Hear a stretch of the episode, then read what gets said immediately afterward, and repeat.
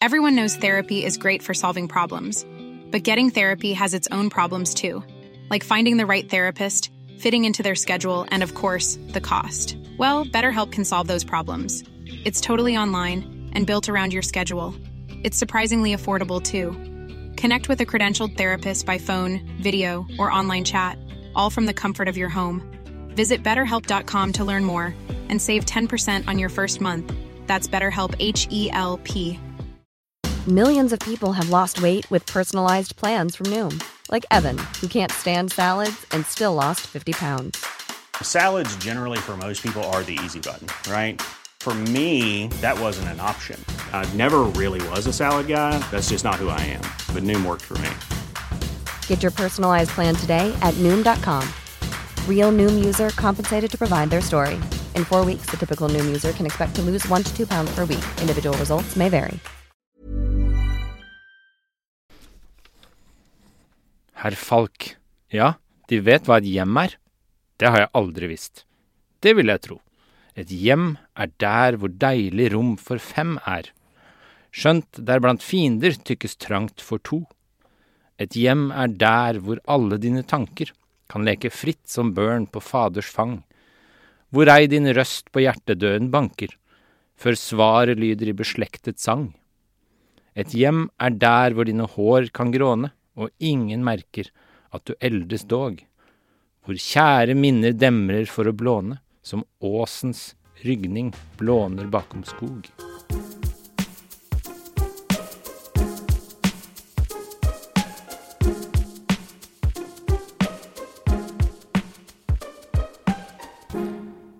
Velkommen til Øde og Einar leser Ibsen. Hva syns du om åpningssitatet mitt i dag? Eh, jeg ble først litt overrasket, Ok. men eh, så kom jeg på at før vi begynte opptak, så hadde du, så hadde du en teori om at alle alle dramaer, alle historier, kunne kokes ned til ett plott. Ja, nemlig at karakteren vil hjem. Ja. Prøver å komme hjem. Ja. Så da ga det litt mer mening. Men det har gjort inntrykk på deg, det sitatet der. Ja, det er fint sitat i det stykket her. For i dag skal vi diskutere kjærlighetens komedie. Ja. Eh, og dette er jo da Ibsen fra Skal vi se, hvilket årstall var det? 62 gjerne. 1862. Og Og det er den første regelrette komedien, kanskje. Nei, altså Gilde på Solhaug var vel en slags komedie. Men den, Ja, altså- men den er prøver veldig hardt å være en komedie, da. ja, altså det er Et poeng er at den sier at den er en komedie, men jeg syns jo noen av de andre var morsommere. Ja. Så jeg syns ikke det er en komedie. Jo, jo, men det er nettopp det. Det Så- Jeg syns faktisk det der, denne her var hard å komme seg gjennom, Ja, altså. jeg synes den I alle fall.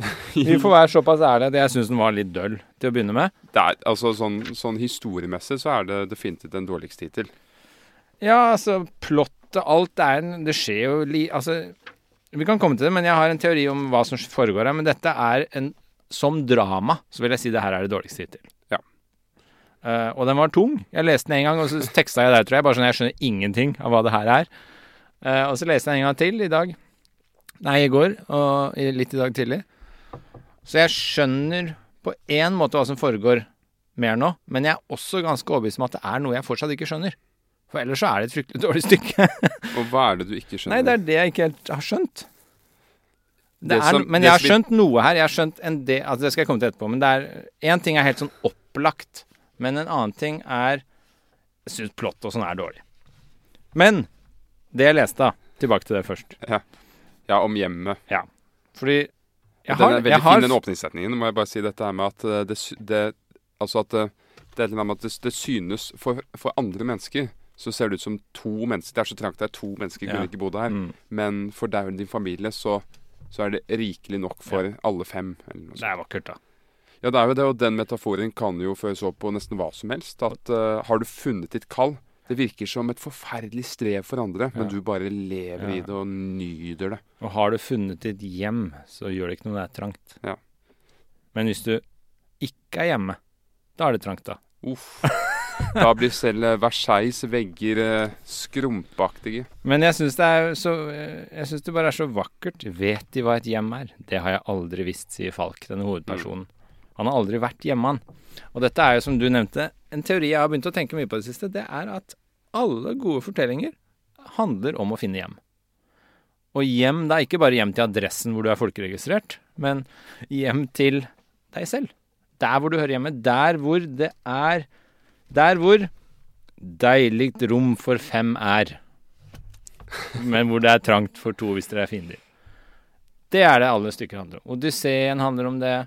Tenk bare på Det nye testamentet i Bibelen. Når Jesus blir født rundt juletider. Hva handler fortellingen om Jesus om? Det er jo bare en fyr som skal hjem igjen. Ja, han skal tilbake til himmelen. Han skal tilbake! Hva handler ja. det om? ikke sant? Det er bare å komme seg hjem igjen. Hva handler f.eks. Charles Dickens i julefortelling om? Scrooge som skal finne tilbake til seg selv i jula, for han har, han har mista seg selv. Hva handler eh, Ja, det er fant fantastisk fortelling, forresten. hva, ja, det er, helt, helt, det er min favoritt-julefortelling. Vi har en tradisjon hvor vi ser en julefortelling dramatisert på film av Jim Carrey. 'Christmas Carol' av Jim Carrey. Fantastisk animert film. Halvveis animert. Ja, sånn, ja. Det var den, ja. ja. Eh, Den er helt ensom. Vi ser den hver jul. Det er tradisjon hjemme hos oss. Det, det, det, du vet, jeg, jeg blir nesten våt i øynene bare av å tenke på den Ja, fortellingen. den er så fin. Jeg skal lage en podkastepisode om denne fortellingen nå før jul, faktisk. faktisk. Eller før Men-. Før jul? Nå, den kommer før jul. Hva mener du?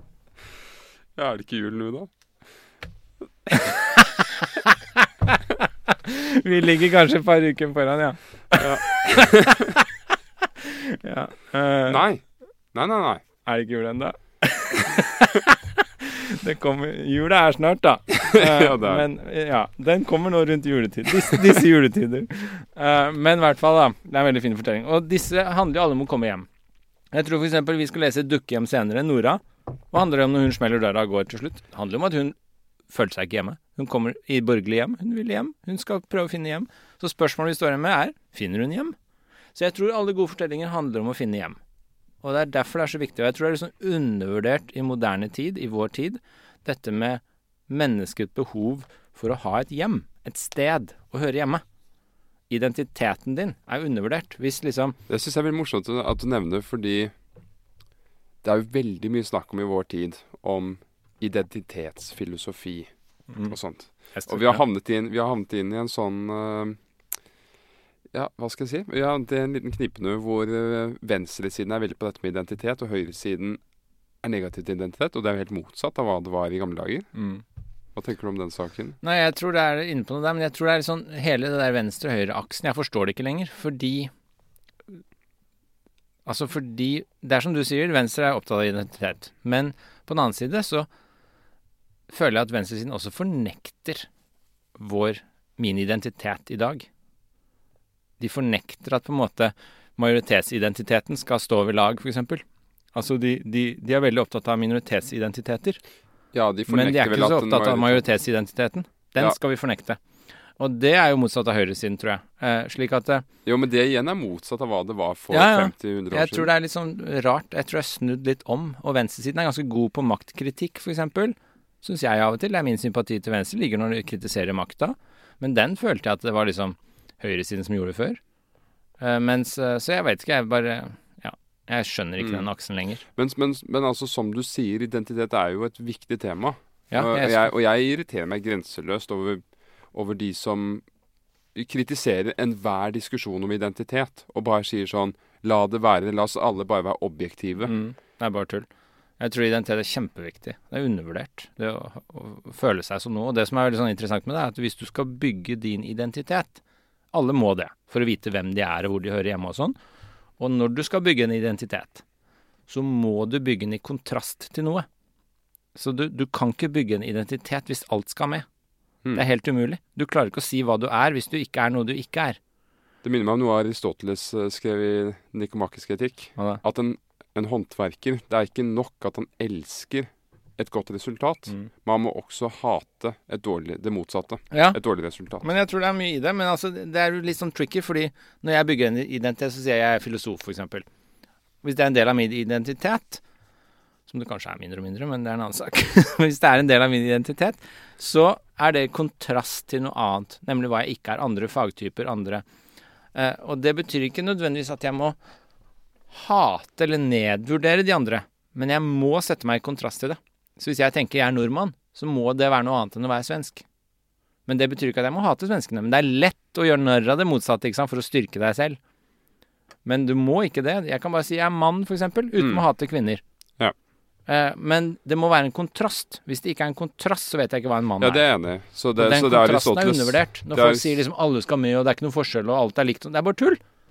Du må ha kontraster for å bygge identitet. Og Mm. derfor, så må, derfor er det litt farlig når majoritetsidentiteter viskes ut og neglisjeres og nedsnakkes. For da sitter en majoritet og ikke føler seg sett lenger. Mm. Og det kan fort eksplodere. Det kan fort Ja. bli farlig, for da kommer det en gærning og plukker de opp. Men så er det jo veldig mange mennesker som er redde for forskjellige typer majoritetsidentiteter. fordi de er redde for at det kan krasje med din personlige identitet. Mm. Det er jo venstresidens krig. Og det er også et tema i det stykket vi tar for oss Ja. i dag, for så vidt.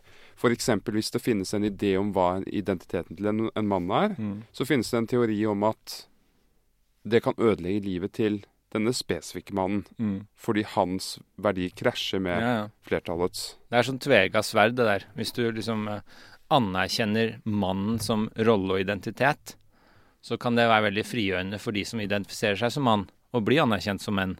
Men det Mm. kan også være undertrykkende for de som, ikke, som på en måte er menn, i gåstegn, men som ikke identifiserer seg som menn. Så kan det være ganske undertrykkende. Så det er litt sånn tvega, det der å få anerkjennelse for en identitet i kontrast til noe annet. For det kan undertrykke like mye som det kan frigjøre. Ja, men i begge tilfeller så, så er det jo et valg dette individet tar om å omfavne den identiteten. Mm. Enten å la seg Enten å la seg eh, hva skal jeg si, ta skade av den, eller, å, Mm. Ja. At det styrker deg. eller at det styrker den. Eller det er kanskje ikke et valg. Jo, jeg tror det er mange sånne valg, men jeg tror det er litt sånn, mange av disse valgene er litt sånn i dag litt, altså, Det er ikke alle identiteter man liksom skal anerkjenne lenger.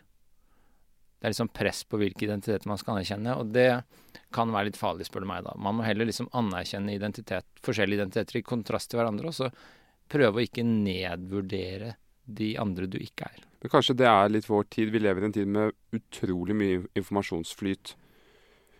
Og da får vi vite om så mange verdier hele Ja. tiden at man garderer seg mot det ved å si de er falske, de er falske, de er falske. Føler du deg oversvømmet av informasjon? Du har jo blitt med dumtelefon, du nå. Du har ikke smarttelefon lenger. Så hver gang vi Ja. kommer inn, så sier du sånn Einar, kan ikke du google Ja, så det, jeg vet det. Jeg, jeg utsetter deg for eh, reklameringen og Ja. Nei, men jeg, har, jeg bruker dumtelefon på dagtid av og til sjøl. Men Ja. nå har jeg bytta sånn abonnement, og nå har jeg plutselig ikke to SIM-kort lenger, så jeg må gjøre om Ja. på det. Nei, nei, men jeg, jeg forsøker å verne om meg selv litt. Jeg, jeg gjør det ikke nok, men uh... Det er det som er trikset nå, vet du. Å begrense påvirkninger. ja. Ja, det er nettopp det. Og Um, det handler jo om å styrke sin identitet, og ikke la seg viske ut av alt. Hvis jeg lot all informasjon flyte fritt inn mot meg, så hadde mine grenser blitt viska ut. mm. Mens jeg må verne. Da må jeg sette opp skjold for å bevare min identitet mot alt som kommer.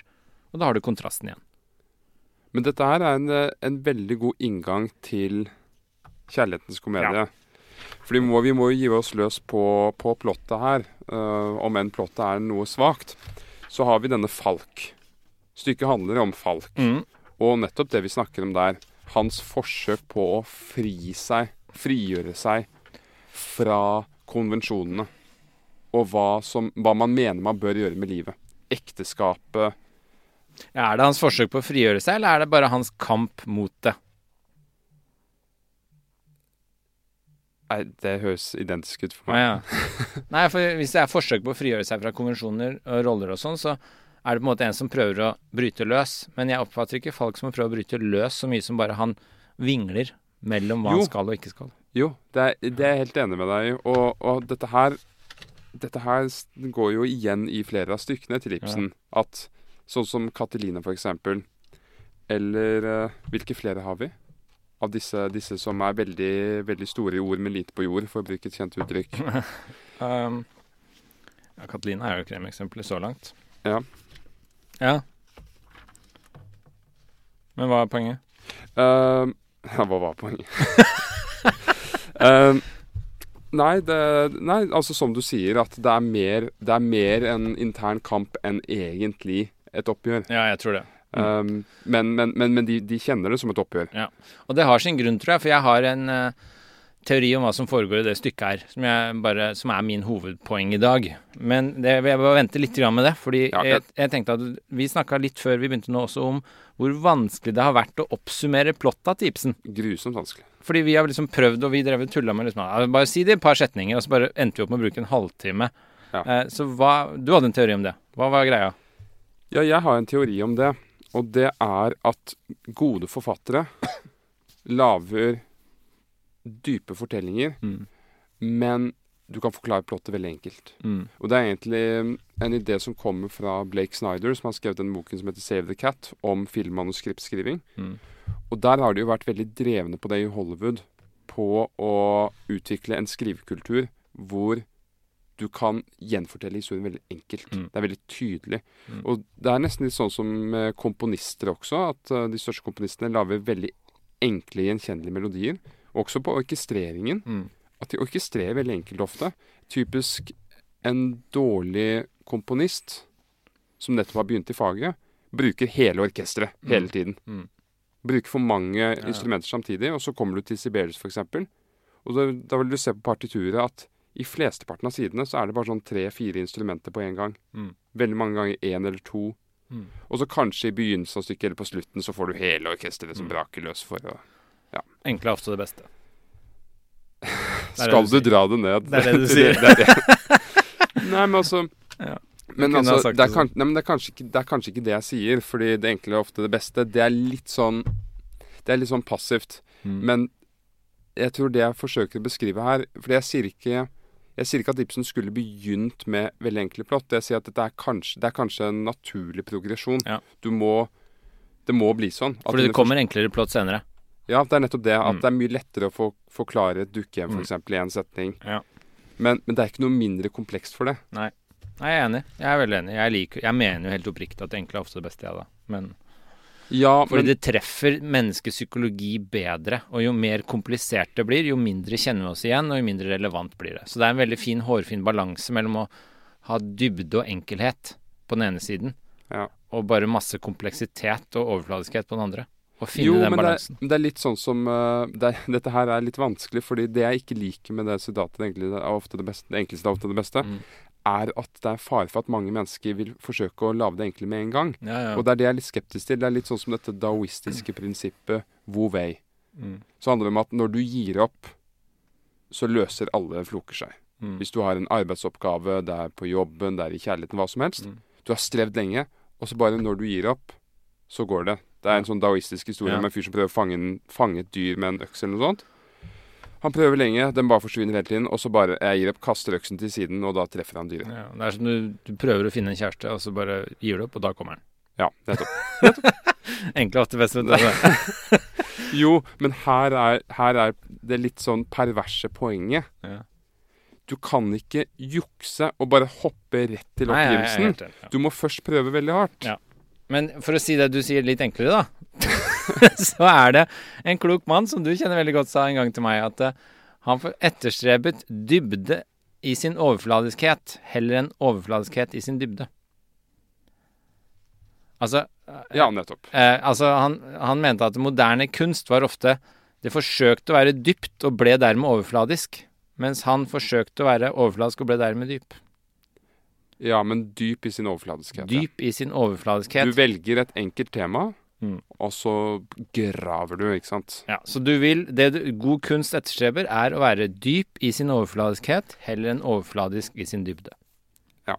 Det var kanskje en korrekt måte å si det på. Og det, det syns jeg er veldig klokt. Og det, det var min fars sitat. Sånn. men det syns jeg er veldig klokt. Ja, det er det. Men jeg, jeg, fortsatt, jeg vil fortsatt liksom hamre inn dette poenget at du må streve litt før du kan Ja, det er jeg helt enig ja, ja. Så, hvis du bare lager en enkel, et enkelt maleri som er veldig overfladisk, så blir det ikke dypt av den grunn.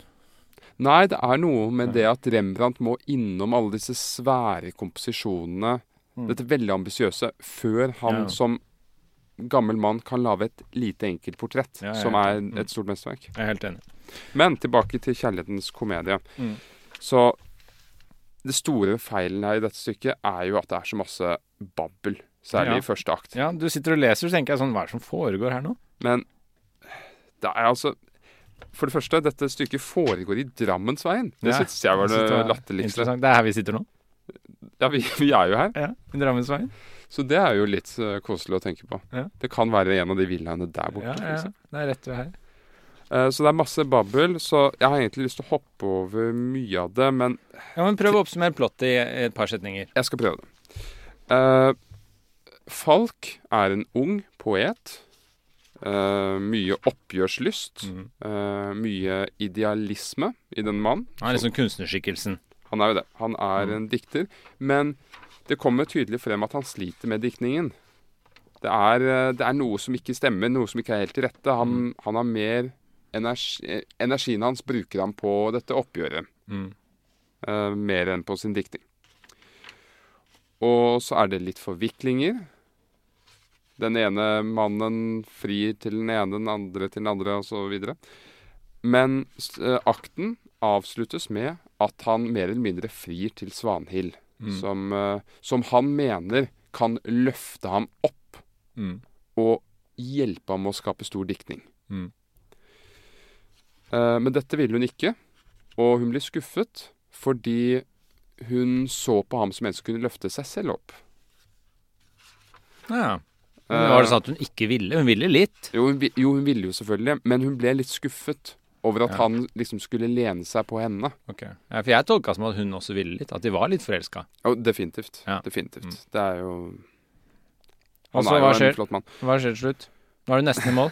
Ja, nest. Så, skjer jo, så skjer jo dette at, uh, at han, han gjør en lovnad når hun har takket nei til ham. At nå skal jeg sannelig begynne, og nå skal jeg, mm. skal jeg lage bråk her. Uh, nå skal jeg leve ut min diktning. Og dette gjør han ved å skape opprør og ugagn og protestere mot alle disse bånd som de andre har rundt seg, med tanker og ideer om hvordan ekteskapet skal være. Hans kollega Linn forlover seg og blir dratt inn i dette buret av forpliktelser av alle disse tantene som forteller ham hva han skal gjøre og ikke gjøre i, som ny ektemann. Han gjør oppgjør mot dette. Han truer med å lage en avis hvor han skal eh, henge ut alle sine venner. Og dette tåler de ikke, men dette gjør veldig inntrykk på Svanhild, som eh, omsider sier ja til å bli sammen med ham på slutten av andre akt. Mm. Og så har du tredje akt, da, når de er eh, lykkelige og skal reise bort. Hvor hen? Det vet de ikke selv. Mm. De skal bare leve ut denne kjærligheten. Og disse andre vennene de skal forsøke å stoppe denne avisen, fordi de vil ikke bli hengt ut. De skal beskytte sitt liv, og det er nettopp det livet Falk forakter. Nemlig dette med at de er blitt så konservative og beskyttende og Borgerlig liv. Borgerlig, liksom. Mm. Men så kommer stykkets store peripati, det må man vel kunne si. Hva er det på norsk? Vending. Ja, nå kommer liksom vendinga i fortellingen. Jeg er enig. Ja. det enkleste er ofte det beste. Ja. Det er sånn som når folk sier på P2, vet du, sier de facto istedenfor faktisk. Det er mye snobberi her i verden. Men det var ikke ment som snobberi fra min side. Okay. Okay, ja. Så kommer den store vendingen, og det er denne Gullstad Fordi det er flere som holder prekener Mm. for eh, Falk og ber han om å ja, gå tilbake og, og roe seg ned, og ikke lage den avisen, og ikke rømme bort med Svanhild. Blant annet denne Stråmann, som Ja. har det perfekte navnet. Fantastisk navn på en prest. Stråmann. Ja, men han, han har jo også stråmannsargumentet her. Ja, det er helt fantastisk. Jeg lo av det. Det syns jeg var det morsomste. At han kaller stråmann han presten i stykket. Ja, han har vært flink med navnet ditt. Ja, veldig. Det kan vi snakke mer om etterpå. Mm. Men så kommer denne Gullstad, grossereren. Hva er en grosserer, egentlig? Det er en som driver med mat. Ja, handelsmann med mat, eller? Driver han Ja. matbutikk? Så Rimi-Hagen er en grosserer? Ja, Ja, ok. Nei, jeg bare tenkte på det. Jeg glemte å slå det opp. Men ja. Ja, jeg, jeg Det er et sånt kjent ord, så jeg har aldri slått det opp. Så jeg har aldri helt tenkt på hva det egentlig betyr. Men det er kanskje en som driver med mat. Ja. Så Stråmann han kommer jo med disse argumentene som du leste innledningsvis. Mm. De gjorde jo ikke spesielt inntrykk på Falk. Nei. Han har hørt de argumentene før, later det til. Mm. Men Gullstad, han kommer, og han Han kommer jo med noe interessant. Han kommer med et veldig sånn godt sokratisk argument som jeg av og til bruker selv. Mm. Ja, jeg tenkte som deg før. Det er en sånn Mm. glimrende Ja. begynnelse på et argument. ja. Jeg pleide å tenke sånn, ja, men. Ja. Jeg har skjønt noe annet Ja, ikke sant? Ja. Man plasserer seg først i den andre personens sko, Det er en slags hersketeknikk. ja, og så river man. Mm. Ja, Man sier at man har hersketeknikk. modna mer enn deg, liksom, egentlig. Ja. Men det har han jo. Han beskrives jo som en langt mer eldre skikkelse enn Falk. Ja. Mm. Og han redegjør ganske godt for seg.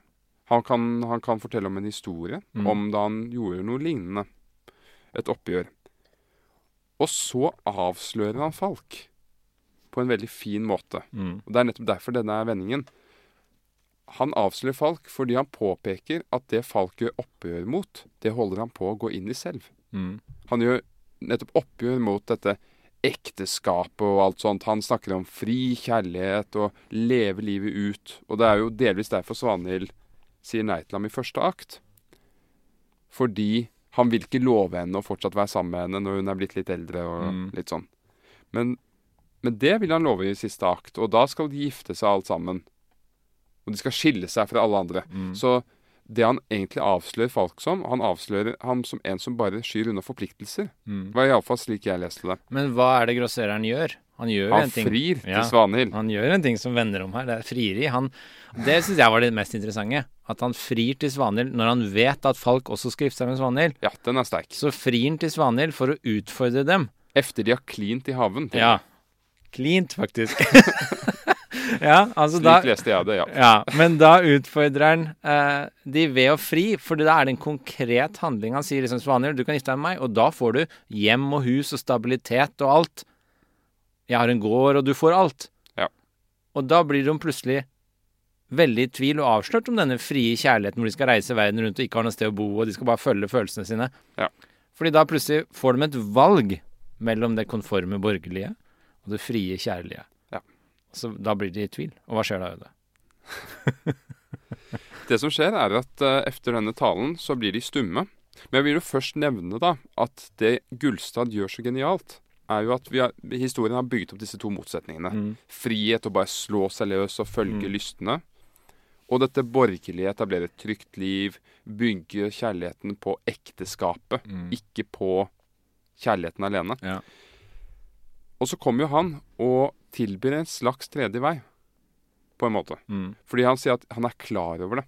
Han er veldig bevisst uh, over at kjærligheten endrer seg over tid. Men det har jeg strekket under her at det han kan tilby, det er en pliktens lykke. Mm. Det er noe midt imellom. Det er verken lykke eller plikt, men det er pliktens lykke. Mm. Uh, så det er veldig mye her. Men uh, han snakker om at det må iallfall ikke bygges på illusjonskreditten. Siterer du Bibelen og må ikke bygge på sand? Ja. Mm. ja. Det er nettopp det. Og de, blir, de sitter iallfall stumme igjen, både han og Svanhild. Og så kommer det jo da frem at uh, Svanhild uh, finner ut at nei, vet du hva, vi dropper dette. Er det hun eller han? Jeg var litt usikker på det. Ja, De er jo veldig fort enige. Ja, så det blir de bare sånn Ja, dette dropper vi. Dette gidder vi ikke. Og så kommer jo dette Titanic-motivet. Hva er det for noe? Som er så sterkt. Det er når de har blitt enige om Vet du hva, vi avslutter dette. Mm. Og på en måte så har de gått tilbake til hvordan Falk var i utgangspunktet. Ja. For han ville jo bare leve ut kjærligheten og bare bryte av når som helst. Full. Så sier Svanhild nå har jeg mistet deg for dette liv, men jeg har vunnet deg for evigheten. Mm. Og det er jo nettopp dette Titanic-motivet, at siden han dør i vannet, så blir kjærligheten evig. Ja. Det er veldig sånn kjent greie, egentlig. Altså hvis du gir deg mens kjærligheten er på topp, så vil den jo alltid forbli på topp. Evig eies kunde tapte. Ja, det sitatet kommer vi til siden. Som Henning Kvitnes synger. Ja. Du har ikke hørt den, du? Nei, det har jeg ikke. Fantastisk låt. Evig eies kunne ja, Men du vet at det er Dibsen-sitat, håper jeg? Ja, men Det regner jeg med Henning Kvitnes vet. Ja, men bare, Du må ikke spre misinformasjon her. Over, ja, men han synger 'Evig eies kun det dårlig rykte', synger han. Oi, oi, oi. Der er det problemer med stavelsene. Fantastisk. Jeg elsker Henning Kvitnes. Men ja, men hva, hvordan ender det til slutt? De går hver til sitt.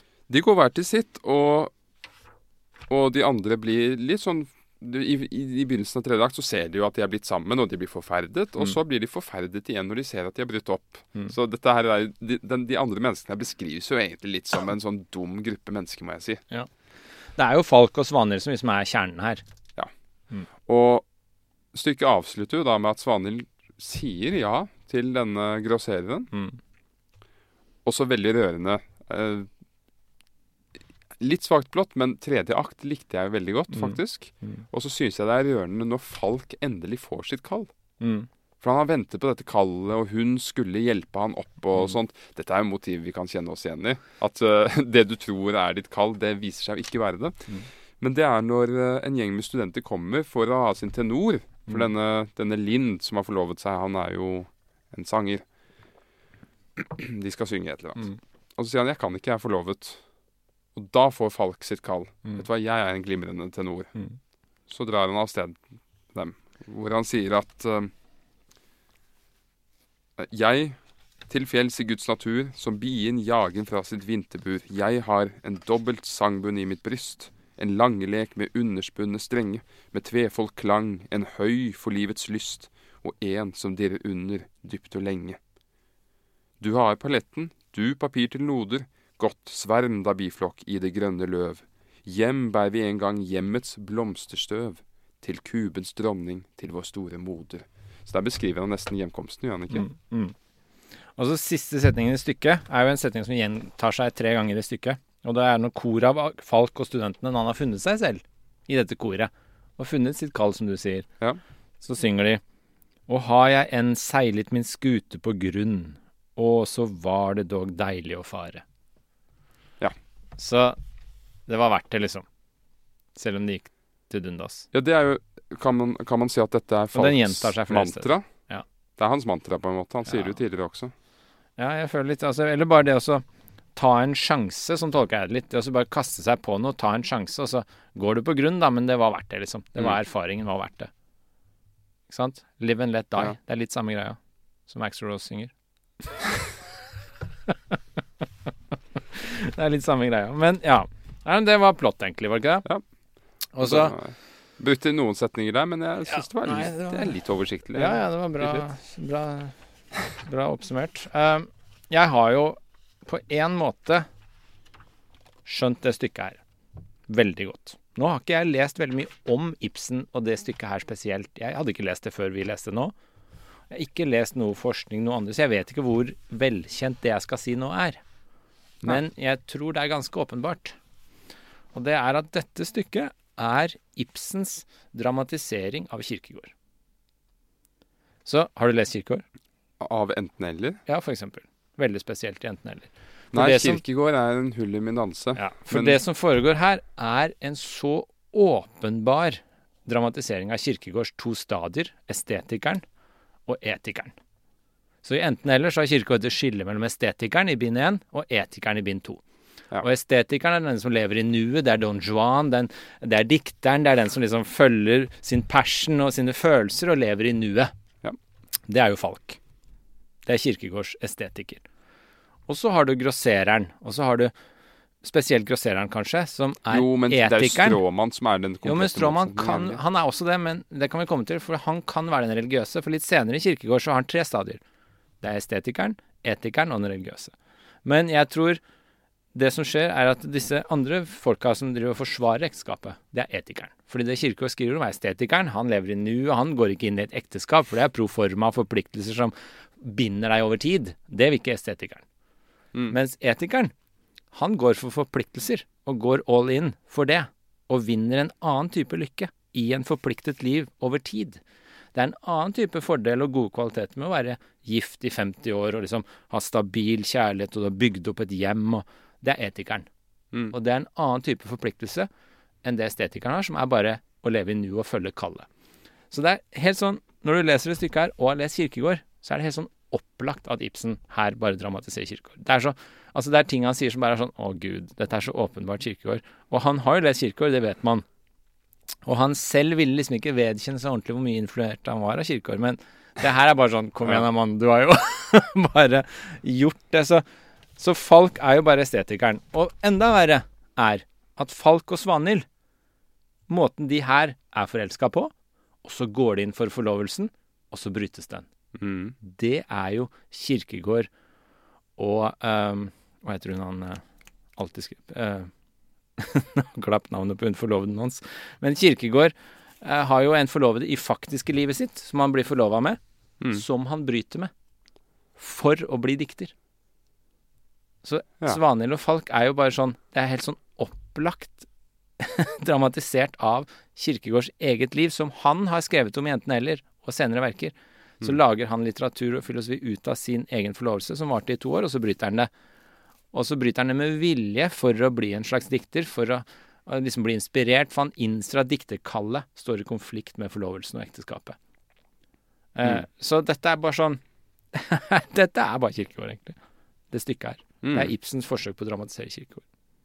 En Jeg håper dette er opplagt for de som er Ibsen-kjennere. For det er helt opplagt. Ja, det opplagte blir ofte dårlig mottatt, Mm. så vi får se. Men jeg bare, er det alderen, eller jeg glapp navnet på hun der? Jeg må bare google hva hun heter, hun der til Kirkegård, for det er jo helt pinlig at jeg ikke huska det. Kirkegård Men, Så dere har hørt, lest eller hørt noe Kirkegård? Jeg jeg har lest Forførerens dagbok. Ja? Jeg håpet en gang jeg kunne lære litt. Skal vi se. Regine, selvfølgelig. Selvfølgelig. Regine Olsen. Regine. Så det var jo hun som Kirkegård forlova seg med og brøt med. Eh, og han brøt med vilje. Og han ble litt sånn slem og sånn for at hun skulle bryte det. Så det var hun som brøt opp til slutt, fordi han gjorde det med vilje, sånn at hun brøt opp sånn at hun, Vent, vent kunne, hun kunne komme best ut av det. Så ikke hun ble dumpa. OK, så han Ja, han eh, oppførte seg på en uanstendig måte slik at hun følte seg tvunget til å bryte det. Med vilje. Ja, Han var litt, rett og slett litt konfliktsky. Litt sånn som deg, Einar. Akkurat sånn som meg. Ja. Men denne polariteten Det er jo det er en gjenganger i Ibsens stykker at altså alle, alle, alle gode historier spiller på polariteter. At Mm. det er noe man vil, noe man vil unngå. Uh, at det er denne institusjonen og denne institusjonen mot hverandre. At det er individet og flertallet. Mm. Men Ibsen opplever jeg Han spiller nesten enda mer på det enn andre forfattere. Det er hele, Ja. hele tyngden i dette stykket. Det, er, Mm. det spiller bare på den polariteten Mm. du beskriver der. Ja, altså Sånn jeg ser det stykket her, så er det en dramatisering av det Kirkegård-polariteten som du nevner. Det er Kirkegårds skille mellom dette borgerlige forpliktelsene og den derre frie, estetiske kallet. Ja. Det er liksom Kirkegårds dilemma. Og det er derfor han sier f.eks. veldig kjent 'gift deg og du ang vil angre', 'gift deg ikke og du vil angre'. Og det er jo det som foregår med Falk her. Ja. Han vil angre hvis han gifter seg, men han vil også angre når han ikke gifter seg, for han følger ikke kjærligheten. Mm. Eh, så det er noe du, Det blir gærent uansett. Og Kirkegård har disse stadiene med estetikeren er på en måte et ytterpunkt hvor ingen vil være egentlig estetikeren, for den er ulykkelig, den har ingen forpliktelser, er noe Den hever seg Nietzsche. ikke Nietzsche har lyst til å være estetiker. Ja, kanskje, men han hever seg ikke over noe dyrisk, nesten. Mens den etikeren som forplikter seg på et borgerlig liv, og, og i hvert fall følger noen forpliktelser over tid, da, den hever seg litt over det dyriske og blir litt mer menneskelig. Og så har Kirkegård den religiøse på toppen, litt senere, som kommer det klarere frem i Kirkegård, og det er da den religiøse er den som virkelig forplikter seg på det evige, nemlig Gud. Og gjerne er villig til å ofre det borgerlige for Gud. Ja. Da har du forplikta deg på evigheten. Og det er det som skjer når Svanhild og Falk dumper hverandre. Da blir den kjærligheten på sitt sterkeste foreviget. Det er det som er litt sånn interessant med det caset. Fordi hvis de hadde gått inn i ekteskap, så vet jo alle som har vært gift, at det går nedover. La oss ikke dvele mer med den. Men Jeg så du hadde tenkt å si noe nå. Jeg bare syns det var veldig kynisk eh, Eh, sagt. Men, eh, du, så- minner meg, du minner, minner meg om Falk. Han holder noen lignende taler i akt. eh. ja, men du har ikke vært, du har, har du vært, du har ikke vært gift, vet du. Nei, jeg har knapt nok vært i et forhold. Du er Falk. Jeg er litt Falk. Ja, Jeg er det er det. du som er Falk. Og jeg må innrømme at jeg, jeg blir veldig forført av Falk i dette stykket, fordi det er så for Det er ikke bare forpliktelsen han reagerer på. Ja. Inntil tredje akt, når han til en viss grad blir avslørt av denne grossereren, Mm. så spiller han mer på dette borgerskapelige Dette borgerlige Alle løgnene. Mm. For det er veldig lett å se alle løgnene, alt spillet. Med at man skal innordne seg, gjøre ting på denne måten, gjøre ting på Mm. denne måten. Begrense seg selv av For én ting er å være bundet eller tvinge seg selv til å gjøre noe, men av hensyn til hva? Her har du mennesker som tvinger seg eller begrenser seg av hensyn til sitt rykte. Ja. Og dette var jo sikkert mye verre den gang, ikke sant? Dette med litt sånn mer arrangert ekteskap, mer sånn der eh, Rykte var mye viktigere enn det kanskje er i dag. Du var veldig opptatt av liksom hvordan det så ut utad, kanskje i større grad. Ære og rykte var mye viktigere, kanskje. Så, det, så konflikten var kanskje større den gang på det her. enn den er i dag, vil jeg tro. Jeg tror nok er ryktet er, er, så viktig i dag også, men, men, men det er på en annen måte fordi Det er ikke så krise å være ugift i dag som det var den gang. Nei, det som er krise i dag, det er hvis du blir hengt ut i noen av de store avisene for å ha ja, for å ha brutt en, en moderne kardinalsynd. Ja. Da kan du få litt problemer. Mm. Men på den tiden som dette, så Kan du gi et så eksempel på det? Moderne kardinalsyn? Nei, hvis man Nei, hvis man blir tatt for å ha sagt neger Ja. på, på en bar en kveld, eller I en podkast, eller? Nei, på en podkast går det greit. det er liksom skrifterommet, det. Alt er tillatt. Skjønner. Nei, men uh, Men å oppføre seg litt sånn som bryter med etiketten, da. Ja. Og det er jo ganske likt som man, den gang. man kan komme seg ut av det hvis man unnskylder veldig sterkt. Ja. Men eh, Men det, sånn sett er det jo helt likt som den gang, det er bare tatt en annen form. det har tatt en annen form, og det er blitt litt enklere. På den tiden så, så måtte du verne om ditt miljø. I dag er det veldig lett å bryte av sitt miljø og finne et Mm. Ja. annet miljø. Ja, ja. I dag har vi jo massemenneske. Mm. Du, har, du har medier som alle mennesker leser, men alle leser det like unøyaktig. Mm. Så det er veldig lett å bli tilgitt i det moderne samfunnet, tross alt. Det er derfor Ja. det er litt Vi snakket om litt før, før vi begynte i dag, om denne såkalte kanselleringskulturen. Mm. Og egentlig hvor Altså hvor ja, Hva skal jeg kalle det? Det er ikke, det er ikke så farlig å bli kansellert uh, som man vil ha det til. Det er nesten blitt en, en brand Ja, å reagere reagere på Nesten en ære å bli kansellert. Hva sa du? Det er nesten en ære å bli kansellert. Nei, jeg tenker at det var det. Det er ikke det lenger. Ja, At det ikke gjør noe lenger, eller? Jeg tenker sånn, De som sier 'å, jeg har blitt kansellert', så er det litt sånn De fremst... Jo, men det er nettopp De det at det blir utvant. Det er, infla, det er Ja. inflasjon. At Ja. det, er, det er for mange som påstår at de har eh, Ja. har blitt kansellert. Ja. Jeg syns kanselleringsordet kommer for lett for tida. Det var et øyeblikk jeg tenkte liksom, her er vi inne på noe, så nå syns jeg det bare flyr veggimellom. Nå er liksom, Du er kansellert hvis du har fått et nei på en søknad, liksom. Det er sånn OK, nå er det for mye. det, ja. Men ja, nei, men jeg syns Hvis jeg skulle oppsummert dette stykket her kjapt før vi går inn i litt karakterer, da, så ville jeg sagt dette stykket handler om konfliktene mellom kallet ditt og plikten, eksempel. Det er det stykket handler om. Det handler om konflikten fall kar mellom kallet sitt som dikter og plikten som, som eh, borger. Eller det handler om kjærligheten versus ekteskapet. Eller løgnen og sannheten. Ja, løgn og sannheten er det min neste her. Sannhet versus konvensjoner. Eh, og så handler det om, sånn jeg ser det, hva et hjem egentlig er. Hvor du hører hjemme. Hvordan du skal finne frem til det. Men det tror jeg alt handler om for tida. Så jeg ser det alt i de brillene nå. Det, det, kanskje det, det betyr at du er, du er på vei hjem selv? Ja, jeg tror det. Jeg er på vei hjem selv på mange måter. Det kan vi ta litt senere når vi blir enda bedre kjent. Men jeg tror det er det stykket egentlig handler om. Og så er Falk Kirkegårds estetiker. Så Falk hovedkarakteren er estetikeren, og Svanhild Ja. hun er Regine Olsen. Ja, det er hun kanskje, men samtidig så En ekte estetiker er jo en som Det er jo ikke en dikter. Det er jo en som bare går rundt og vrøvler og Ja, Don på Juan, er fylla, på eller bare ligger rundt. Eh, eh, Falk er nok Han har nok eh, potensial til å bli en etiker. Han Ja, han ikke har fyr. Nei, det, han har potensialet, så han er ikke ytterpunktet av estetikeren, men han er jo foreløpig en estetiker. Han følger liksom Jo, men det er fordi det er hans overbevisning. Men Ja. han stritter jo imot dette etiske Ja, ja. på en Mm. så hard måte, på en sånn voldsom måte, at det kanskje kan tyde på at han kjenner det igjen i seg. Ja, ja. Og det er jo kanskje litt det som gjør at det er, har litt kvalitet. Da. Det er jo at det, er ikke enten eller. Vi kjenner oss litt igjen i alle karakterene her, ikke sant. Eh, og det er det når du leser Kirkeåret, så er det sånn Det er ingen som oppfyller estetikeren strengt tatt. Og det er heller ingen som oppfyller den religiøse stadiet strengt tatt. Vi aller fleste av oss er bare etikere på et eller annet nivå, i en eller annen grad. Mm. Vi har noen forpliktelser. Følger du dikterkallet ditt, så er det en forpliktelse, akkurat som ekteskapet. På en måte. Slik at Vi er nok litt sånn på en skala av etikere hele gjengen. Det er midtstadiet. Og det er kanskje folk også. Men Hva er det Han- man sier? Det er 'it's a spectre'. ja, It's a it's a specter.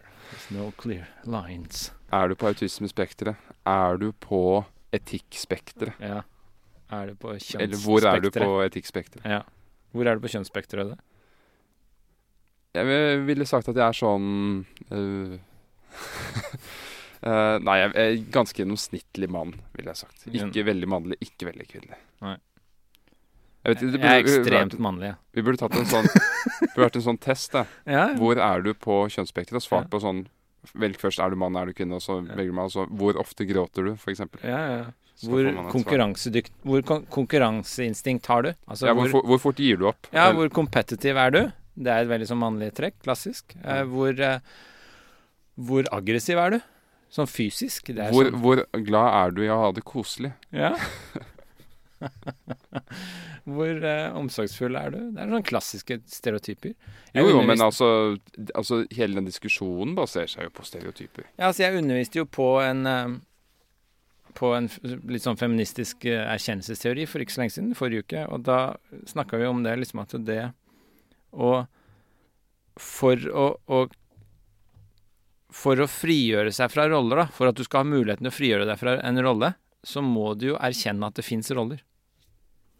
Så man må liksom erkjenne klassiske, stereotypiske nei, nei, nei, kjønnsroller for å klare å frigjøre seg fra det. Nei, nei, du kan fornekte. Det er alltid en mulighet. ja, det er ikke frigjøring. Det er fornekting. ja. Nei, det er ganske interessant. Men, men hvorfor er dette stykket 'Kjærlighetens komedie' Fordi du er enig med meg at det er veldig dårlig struktur? Ja, jeg syns det var det dølleste stykket så langt, egentlig. For det, det er masse fin riming, mange fine vers her. Det må jeg si. Altså. Og det er noen kule sitater. Det er noen kule sitater, og det er, det er en kul uh, konflikt. Ja. Men strukturen er elendig. Mm. Uh, for jeg, min teori på det, jeg mener jo at aktoppdelinger og hvordan man strukturerer historien, at det er en vitenskap. Jeg ja. mener jo det. Mm. Det er ikke en sånn eksakt vitenskap som man kan, man kan måle om man har A, B-blod eller O-blod eller noe sånt, men mm. man kan, man, man kan, peile seg innover mot noe som fungerer. Og det forrige stykket vi leste, 'Hærmennene på Helgeland', det fulgte ganske godt denne femaktstrukturen som hva det heter i story uh, Robert McKee snakker om. Mm. Nå er den er delt i fire akter, men Robert McKees femaktmodell den er jo egentlig fire akter, med bare at den femte er liksom midt imellom, ja. midt i. Og er den korteste, er nesten mm. en kvasiakt. Og McKee er, er, jo bare Aristoteles, du vet det. Ja, han bygger jo på Aristoteles. Men der beskriver han Robert McKee beskriver da tragedien. Mm. Det er det vi snakker om da med Herman Pelgeland. Det er stigningen og fallet. Mm. Og og en slags forløsning til slutt. Det fulgte Ibsen ganske nøyaktig på Heimen på Helgeland. Mm. Du har at disse menneskene treffer hverandre. Første handling blir ferdig. Mm. De har fått et oppdrag. De skal, de skal dra til Gilde. Ikke sant? Ja. Til denne Gunnar. Og så eh, bygger spenningen seg opp. Og du når et klimaks i siste, mm. siste del av andre akt. Og det kan sies å være denne tredje akten. Det er når mm. alt snur, den store ja. vendingen hvor eh, denne, denne, gutten blir drept pga. Hjørdis med Gunnars hånd mm. osv. Og så kommer vi til tredje akt, mm. og det skal beskrive begynnelsen av fallet. Mm. Da har det verste skjedd, og man begynner å forsøke å rydde opp. Men da ruller en ball som har startet. Du mm. kan ikke stoppe den. Og alle karakterene ufrivillig i skjebnens tjeneste tillater det at det skjer. Dette med at eh, Gunnar, eller unnskyld meg, Sigurd åpner seg opp for henne og alt mm. sånt. Mm. Han føler det som en nødvendighet, men det er bare med på å forsterke fallet. Og siste akt beskriver det endelige fallet. Mm. Så han følger denne klassiske oppskriften veldig nøyaktig her. Men det finner du ikke her? Du har jo en treaktsstruktur også. Og den er langt enklere. Det er den første akt du etablerer en tese. Mm. Sånn er virkeligheten for vår mann. Andre akt beskriver antitesen. Livet er snudd på hodet. Mm. Og så tredje akt, som er den korteste, er uh, at andre akt har skapt så mange problemer for helten, den nye verdenen, at han finner en tredje vei. Mm. Og den, Denne treaktstrukturen beskrives av Blake Snyder i boken 'Save the Cat'. Og det er veldig mye brukt av Hollywood. Mm. Det er et klassisk komedier. At du har en fyr som er overdrevent et eller annet, og så skjer det noe, og så går han inn i en helt ny verden og blir helt annerledes, ja. nye ting, men så oppstår det problemer der, for det er et eller annet som ikke stemmer med hans indre kjerne. Mm. Og så finner han denne tredje veien til slutt, og så er alle lykkelige. Mm. Her i dette stykket vi har lest nå, 'Kjærlighetens komedie', så er det riktignok tre akter. Mm. Men det er veldig uheldig struktur, fordi for det første, fra første til annen akt, så skjer det egentlig ingen endring. Mm. Han bare lover henne Han får bare et avslag, så lover han ja, nå skal ting sannelig endre seg.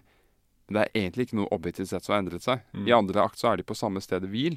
Og han tar først et valg i slutten av annen akt. Det skjer altfor sent. Ja, nei, altså jeg er enig. Altså jeg satt og leste og tenkte liksom sånn Hva er det som skjer? Det skjer jo ingenting. Hva er det som skjer her nå? Altså, det, det er et dårlig tegn når du leser, og så kommer du til tredje akt og begynner du å telle sider som er igjen, og så blir du glad når du innser at tredje akt er den korteste. det er et dårlig tegn. Og så ja, men... avslørte jeg det Kirkegård-greiene, og da ble jeg litt sånn ah, Kom igjen, da. Dette er liksom bachelorstudent som har lest Kirkegård, liksom. Altså, jeg ble litt Ja. Men Jeg syns det, det, er litt vakkert, jeg. Litt? Akkurat det liker jeg veldig godt. At han tar, uh, han tar en Han tar, henter ja. fra Kirkegård og dramatiserer det. Det er jo sånn mm. Det er fint. Det er iallfall et kompliment til Kirkegård. Ja, absolutt. Han var det. Jeg har jo lest Kirkegård veldig. Det ser Men for, for egentlig det jeg sa i sted, jeg tror simpelthen problemet her er at du, det mangler denne første vendingen. Ja. Det, det er jo bare én vending, er det ikke? Det er når Falk liksom Eller kanskje to, da. Det er når Falk liksom bestemmer seg for å forlove seg med Svanhild, og så er det når hun bestemmer seg for å bryte. Det er det som er som ja, turning points. Men det, skjer, det første skillet skjer, skjer, for sent. Ja. I slutten av annen akt. Mm. Imellom første og annen akt så er det ikke noe endring. Det er sånn mm. Også det som irriterte meg, var disse lange beskrivelsene i parentes om hvordan sceneoppsettet skal se ut. De skjønte ikke jeg. Det ga ikke noe veldig mening. Sånn som ikke sant? Det er en sånn lang beskrivelse av hvor kopper og kar skal stå på bordet, og hvem som står hvor. Ja. Altså, uten at jeg skjønte hva det hadde å si. Jo, men det er jo kanskje hemmeligheten her, da. Fordi jeg, jeg lurte på det da jeg leste det, og det kom godt inn i annen akt. Hvorfor har Ibsen inkludert dette i sin kanon? Mm. Det må være en grunn. Ja. Det må være et eller annet sånt bisart Altså, nu, tredje akt var jo ganske bra, da. Mm. Så da skjønte jeg det litt. Men jeg tror også det må være noen sånne bisarre ting vi ikke tenker over, som er en sånn fetisj for Ibsen eller noe sånt. Ja, Kanskje et eller annet med hvor han har plassert koppene og Ja, ja. Det er derfor jeg føler at det er noe jeg ikke har skjønt.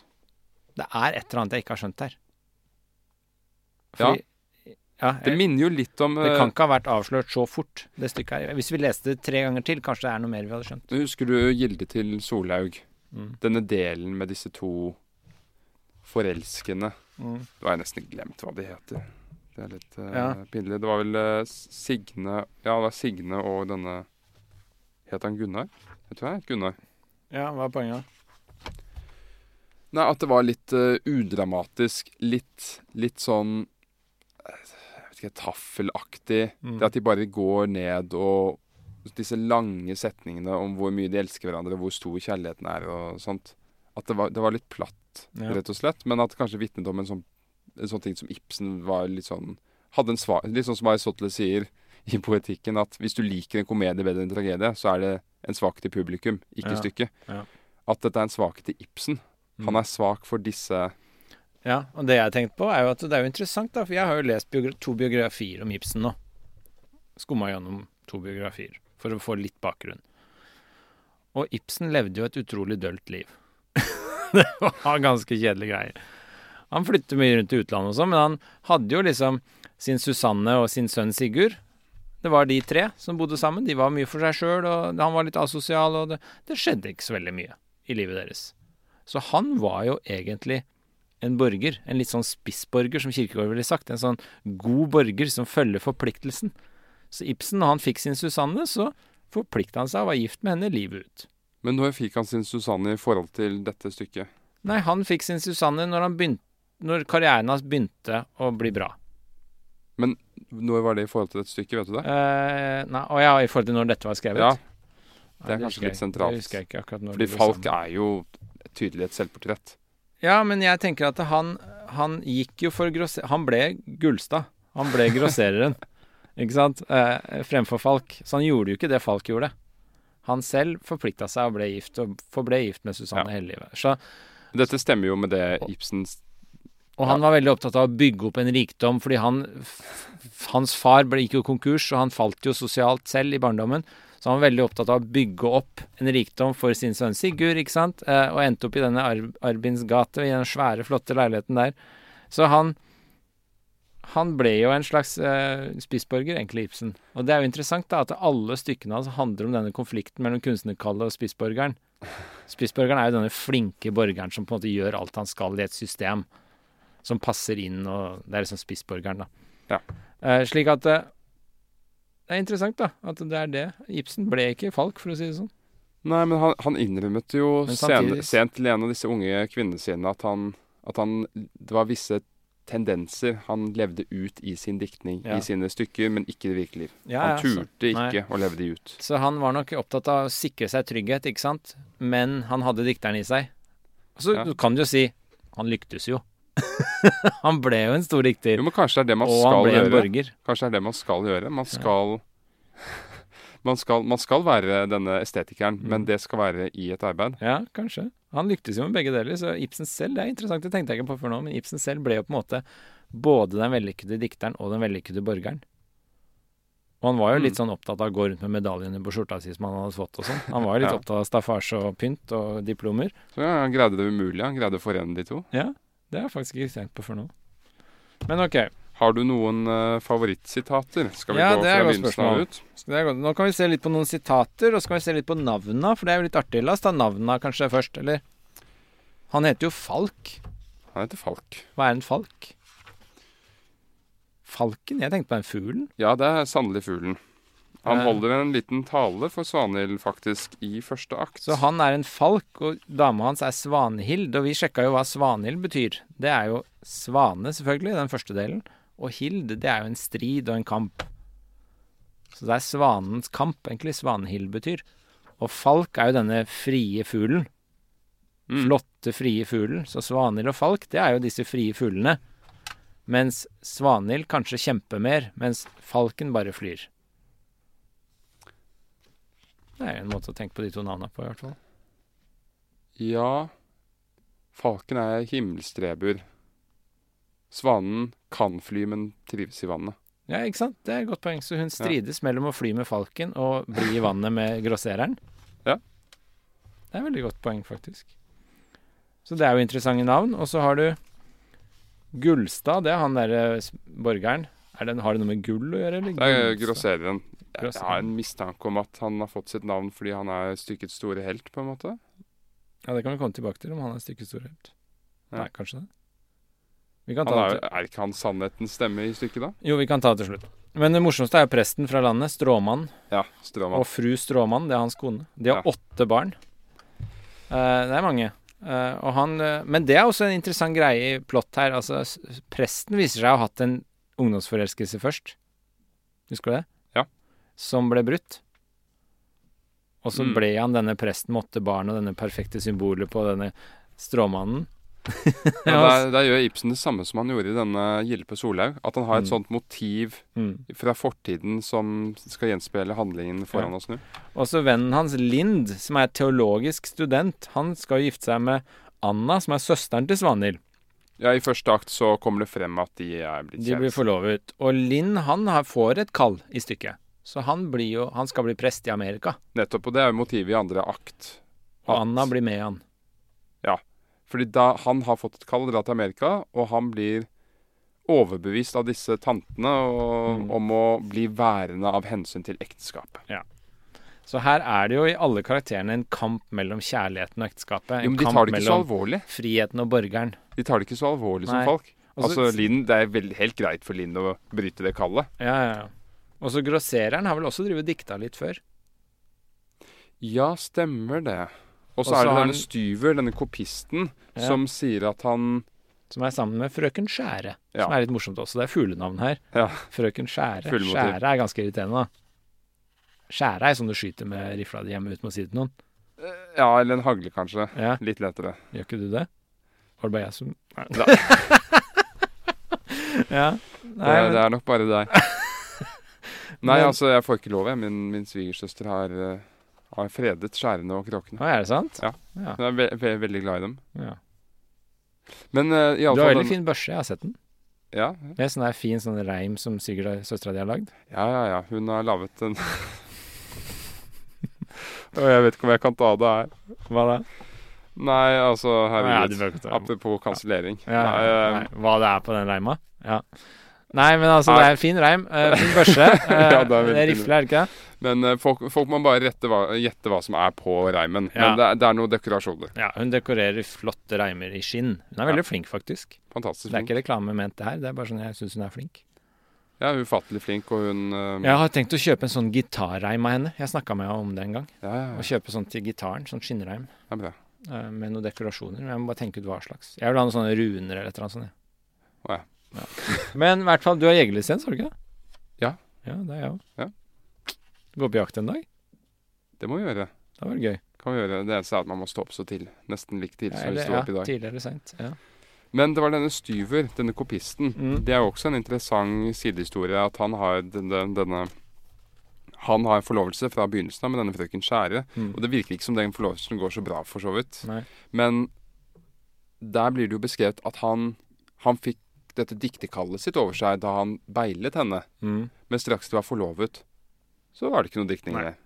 Og det er en gjenganger her. At det, det skjer jo med grasserer nå at når du, når du går inn i det borgerlige livet, så kveles all kreativ og glede og lykke og kjærlighet. Ja. Det er jo det som er litt sånn konflikten her. Eller bare når man binder seg til noe i det hele tatt. Ja, når du forplikter deg på det litt mer som borgerlige, så kveles det frie. Har du følt på det? Har du at du har Nei, men jeg mener helt oppriktig. Har du kjent på å sitte og tenke Søren, altså, de For noen år tilbake, da var jeg så mye mer Da jeg liksom trasket rundt og var litt Ja, jeg hadde ikke, jeg hadde ikke klare perspektiver. Men, da, men jeg skrev, og jeg skrev.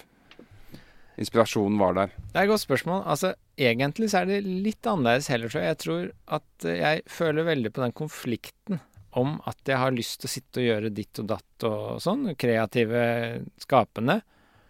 Og så er det forpliktelser som alltid kommer i veien. Den føler jeg hele tiden, hver dag. Det er grusomt. Eh, Jeg har bare lyst til å være aleine ute i skauen og drive med mine ting, ikke sant. Og så er det borgerlige forpliktelser hele tiden.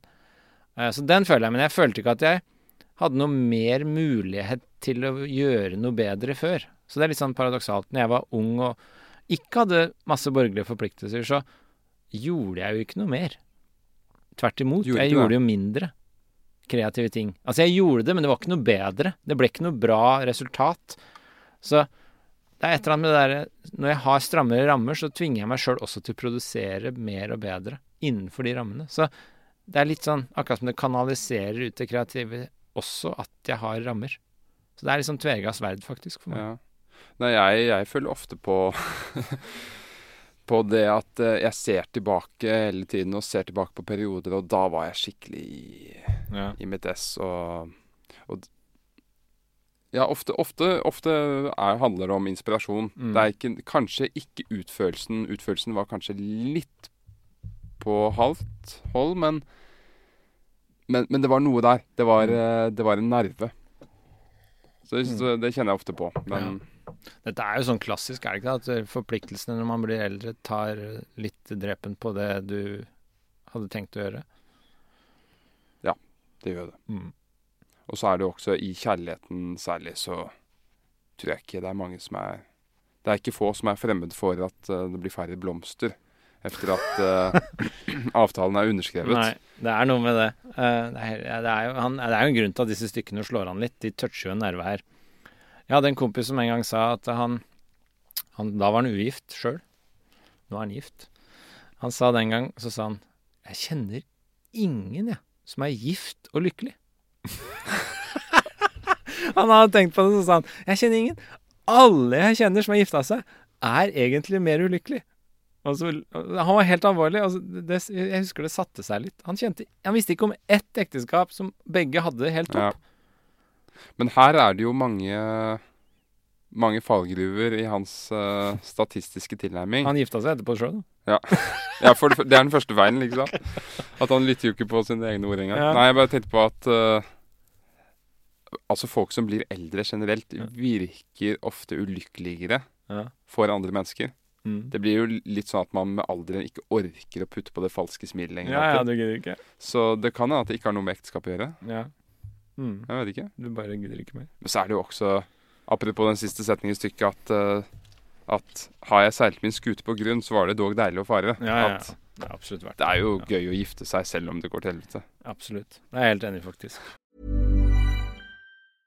A lot can happen in the next three years. Like a chatbot may be your new best friend. But what won't change? Needing health insurance. United Healthcare Tri Term Medical Plans are available for these changing times. Underwritten by Golden Rule Insurance Company, they offer budget friendly, flexible coverage for people who are in between jobs or missed open enrollment. The plans last nearly three years in some states, with access to a nationwide network of doctors and hospitals. So for whatever tomorrow brings, United Healthcare Tri-Term Medical Plans may be for you. Learn more at uh1.com. Hiring for your small business? If you're not looking for professionals on LinkedIn, you're looking in the wrong place. That's like looking for your car keys in a fish tank. LinkedIn helps you hire professionals you can't find anywhere else, even those who aren't actively searching for a new job but might be open to the perfect role. In a given month, over 70% of LinkedIn users don't even visit other leading job sites. So start looking in the right place. With LinkedIn, you can hire professionals like a professional. Post your free job on linkedin.com slash people today.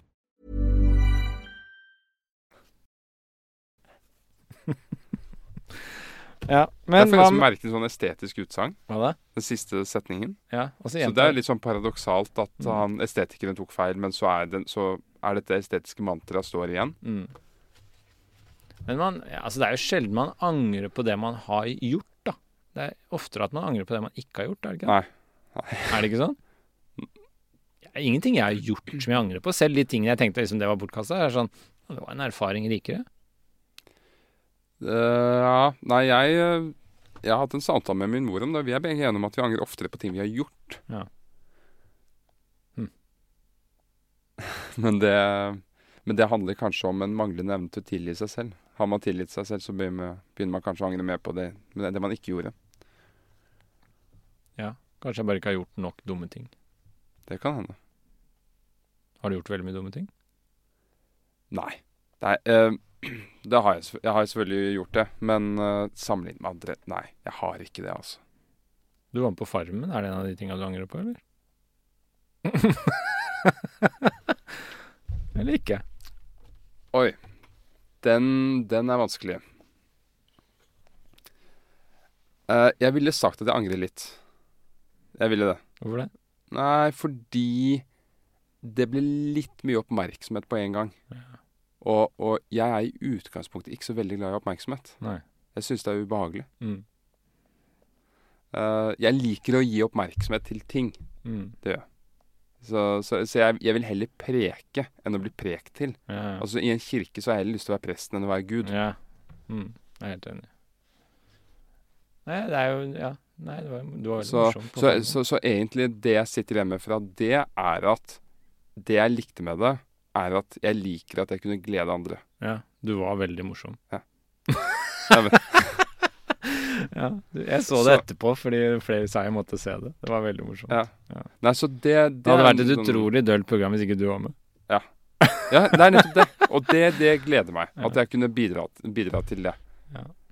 Ja, det tror jeg det. Altså, jeg bare merker det når vi har gått nedover i Oslo her også, så er det folk som liksom snur seg etter Farmen. Du er, blir fortsatt gjenkjent for det. Å ja, ja, ja. Ja. Masse. Veldig morsomt.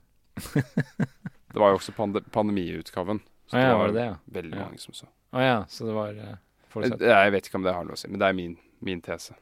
mm. I all uh, ydmykhet. Ja, det er morsomt. Men da har vi fått uh, den infoen. Men jeg tenkte kanskje se litt på noen av karakterene, eller? Uh, fordi det er jo Vi har jo snakka litt om det allerede, men det er jo eh, Og så er det denne det, det er en vi ikke har nevnt, og det er fru Halm. Ja, Hun som nevnes først. det er hun som eier huset, er det ikke det? Som de er i fest hos. Ja, hun er helt intetsigende. Hun Mm. eier bare stedet. Hun er veldig, og det er mora til Svanhild og Anna. Så hun driver og gifter bort døtrene sine, egentlig. Ja, og Halm, jeg vet ikke. Altså, det er liksom, Fru Halm. det er, halm er jo sånn som man har inni grisebinger og Ja, på, i fjøs og sånn. ja. Det er Korrekt, det. ja. Men uh, kanskje det er det? altså Hun er intetsigende. Ja, hun er bare dette fjøset. Ja, hun er bare liksom det du ligger på, det du sitter på, det du bruker til ting. Og hun er liksom bare staffasjen rundt. Ja, Kanskje, ja, kanskje hun er Så det er mor at, borgerskap. ja, det er meningen at du skal være fru Halm. Hmm. Kanskje han spiller på det navnet òg. Men hun, når Svanhild og Falk bestemmer seg for å gå fra hverandre på slutten, så, så underkaster jo på en måte Svanhild seg borgerlig i livet. Hun er jo ikke stormforelska i grossereren. Så sier hun ja til å gifte seg med han allikevel. Og så sier hun til mora si Ja, si hva jeg skal gjøre, eller bestemme over meg. Ikke sant? Så mora bare Ja, nå er det topp. Nå går du til grossereren. Hun bare Ja, jeg, underku eller bare, jeg underkaster meg. Hun gjør jo som mora sier. Og så sier hun bare eneste betingelse er at vi skal flytte vekk.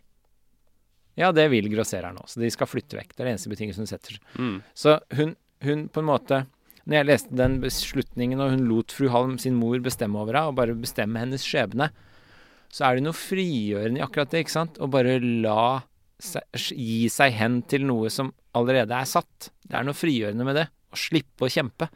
Og dette er jo velkjente temaer i f.eks. Eh, veldig kjent bok fra Hollebeck som heter 'Underkastelse', tror jeg. Eh, hvor han bare underkaster seg islam i Frankrike til slutt. Det er liksom det er det som, Da slipper han å kjempe mot den derre det som skjer i samfunnet. Han bare underkaster seg. Det er et veldig kjent tema i 1984 på slutten av 1984, Orwells 1984, så har han jo kjempa mot dette overvåkningssystemet og staten hele tiden. Og så på slutten så sitter han på kafeen og bare gir opp og underkaster seg systemet, og da blir han lykkelig. Ja. Det er det som er det ubehagelige i slutten i disse bøkene. ikke sant? At underkastelsen gjør deg fri. Og det er veldig interessant. Og det er det som skjer litt med Svanhild her. det er et veldig perverst motiv. Ja, men det er jo det som skjer med Svanhild. Hun underkaster seg, og så blir hun på en måte friere enn når hun drev og skulle kjempe mot. Og det er en sånn interessant dimensjon, tror jeg, med det derre kampen mellom individualismen og kallet ditt, og det der kollektive tilpass deg borgerlige siden, så er det sånn Det er noe frigjørende med å bare følge kallet sitt, men det er jævla slitsomt. Og det er noe frigjørende med det å bare underkaste seg det borgerlige, men det er jævla stusslig. Og så står de imellom der ikke vet hva de skal gjøre. Nei, dette her er uh, Dette er voldsomme saker. Jeg føler du har klemt mer jus ut av denne fryktsmøtstykket her enn, enn det er jus i frykten. Ja, nei, det er uh, Men ja. Men det er jo karakterene. Vi kan ta favorittkarakter til slutt. Er det noen sitater? Det var det du spurte om. Har du noen sitater? Jeg, kan, jeg har et par stykker jeg syns var fine, da. Ja. Falk sier et sted på, helt på begynnelsen av akt 1, dette er på side 122 i boka vår, så sier han Falk reiser seg. Og neste, neste, tanken er meg kvalm. Det er jo estetikeren, ikke sant? Han, det neste der, hva? Nei, altså det er en sammenheng her. Altså det derre At uh, hva uh, Ikke sant? Det, det er jo uh, Til Falk så sier Gullstad, det er jo grossereren. Uh, og derfor er min sjel de like god, sier han til Falk. De tror nu fergen over lykkens flod er bare til for dem å sette over, men se dem for i fall de farter våver, de farten våver. Hva deres vise angår, vet jeg ei om den poetiske er i alle ender. Om hvordan de enn viser Ja, det ble langt. Men poenget er at uh, han sier liksom du, skal, du må tenke framover. Du må tenke på det neste. Ja. Ikke bare tenke på deg selv.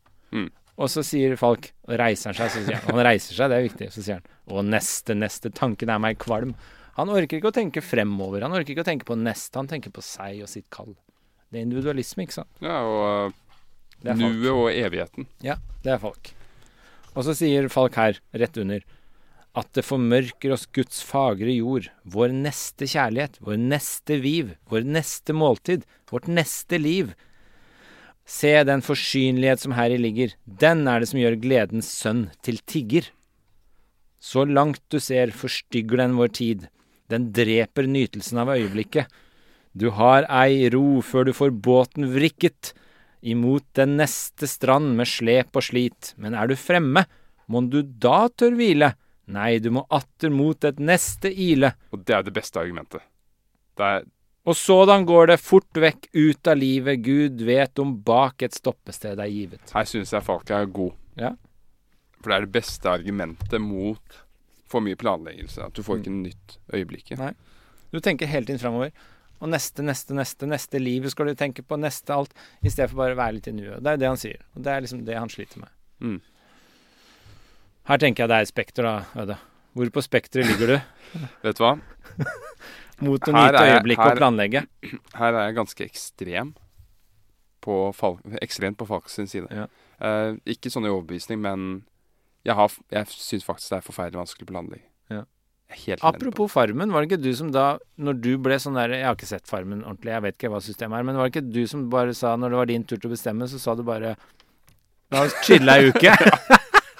Vi bare sitter her og nyter ei uke. Planla ingenting? Nei, altså, jeg begynte jo med å planlegge. Så jeg skulle jo Jeg tar jo oppgavene i utgangspunktet. Ja. Men, så, men så er det noe med byttehandelen mellom Mellom hva man får og hva man gir. Ja hvor mye arbeid det kreves. Ja, så og hva vi får igjen for det. Så mye for det du også, fikk igjen. Og så kom jeg frem til, for vi strevde så veldig, og det var så vanskelig oppgave Vet du hva? Alle jeg, jeg, bare regnet frem. Jeg satte mm. meg ned og brukte hodet og regnet på kalorier. At alle kaloriene vi bruker på å bygge dette Vi får ikke nok mat til å dekke de kaloriene uansett. Ja. Så da kan vi like så godt sulte. Så de ikke får kollektiv sulting? Ja. ja. Det var veldig morsomt. Men da nøter du øyeblikket litt mer, da. Å ja. Jeg, Så du er på spekteret jeg fikk, fikk noen i produksjon til å servere oss ekstra whisky, og Å, er det sant? ja. Det var strålende. Var det mye som bak kamera? Sånn drikking og Nei, det var ikke mye av det, men, men jeg Jeg Jeg jeg snakket med dem, så vi, vi fikk ordnet litt okay. ekstra da. Så dere hadde whisky, men ikke mat? Altså, det, var, det var et eller annet med Det var mange der, det var mange der inne som var sjalu på meg fordi jeg var så ekstremt flink til å få ting. Det er morsomt. Hvordan gjør du det? Ja, Det er jo bare fordi jeg spør innstendig. ja. ja det er. Nå har vi fått litt backs informasjon bak her. Det er, bra. Ja. Så du er veldig øyeblikkets mann. Ja, jeg er det. Mm. Jeg er det. Og ja, eh, struktur og sånt, det ligger ikke til for meg. Men uh, jeg, Ja, så du liker det argumentet til Falk her. Jeg begynner å mistenke hvilke karakterer du kjenner deg mest igjen i her, men uh, vi kan Ja. ta det etterpå. Uh, det er noen andre sitater jeg syns er veldig fine. Um, Her har vi en annen jeg synes Falk, Det som er morsomt med Falk, er at han er så spydig. Ja, det, er- Det syns jeg er det morsomste. Det kler en ung mann. Uh, Falk. Jeg står som eselet, snørt i valgets bånd. Til venstre har jeg kjød, til høyre ånd. Hva var vel visest her å velge først? Det er en annen polaritet. Og det er kanskje en polaritet som han Der tror jeg Falk faktisk kjenner at han liker begge deler. Mm. Fordi denne polariteten mellom borgerskapet og kallet, Mm. der bare fornekter han borgerskapet fullstendig. Men Mm. kjødet ånd, det kan han forstå. Ja, men det, det er også I kirkegård så er det litt det samme. ikke sant? Altså Kjødet er det estetikeren følger mye mer, sånn bredt forstått. Han følger mye mer kroppen og følelsen og sinnet øh, og, og kjødet, mens borgeren følger mer plikten, etikken, ånden. Så det ultimate for kirka er den kristne ånd, hvor du forplikter deg åndelig på det evige. Slik at det er litt samme dualiteten, men jeg er enig i at det er forskjell sånn isolert sett, da. Ja, fordi den der kan jeg Jeg er også litt sånn som Falk. Uh, der, der, der sa jeg det. Uh, at jeg har ufattelig forakt for borgerskapets Ja. lenker. Jeg har det. Mm. Men akkurat det med kjød og ånd, det er noe jeg føler i mitt indre hjerte, den Ja. konflikten. Mm. For det, det, er, det, det angår meg mer. Det gjør det. Mm. Mens, mens dette båndet til samfunnet, det angår meg og samfunnet. Det, det er litt mer enn bare meg selv. Så du ville føle deg veldig igjen i det sitatet her fra folk, da. Så Styver, han forlover seg jo med Er det Anna han tar? Jeg husker ikke. Styver og Anna, eller? Eh, nei, Styver er forlovet med Skjære. Ja, det er Lind, Skjære. Ja. Lind som forlover Ja, ja, seg med sånn, Anna. ja. Mens Styver og Falk står og prater, så sier Styver Han forteller om forlovelsen sin, og så sier Stuer, Tenk, samme dato innløp hennes svar. Andragende bevilget, saken klar. Og så sier Falk, og her er han spydig på sitt beste, da, så sier han Og du, du følte deg ved pulten større, du hadde brakt din elskov på det tørre. Ja. Så han står der ved pulten sin og føler seg mye større, for nå er han forlovet, og da har han brakt sin elskov på det tørre. Det er jo så spydig som det får blitt. Ja. Veldig fin dobbeltbetydning der, Ja. det tørre. Det syns jeg er veldig morsomt med Falk, da. Eh, han er utrolig spydig til tider. Eh, litt sånn sarkastisk, da. Eh, og så sier han jo til eh, Når han først nevner presten, er også veldig morsomt på side 124, så sier eh, fru Halm Nei, det er sant, men bli dog ei så trist, tro meg, av det besøk de høster glede, for nå kommer presten på besøk. Mm. Og så sier Falk, men si, hvem er han da? Den gledens såmann. Det er presten. Ja. Det er Å herregud, det er jo presten stråmann, sier Ja. fru Halm da.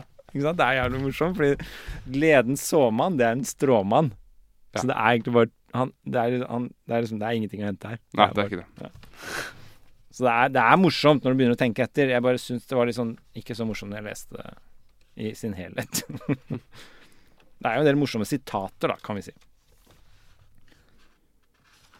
Men uh, det er en litt sånn fin ting her også. Uh, frøken Skjære, som er sammen med Styver, da.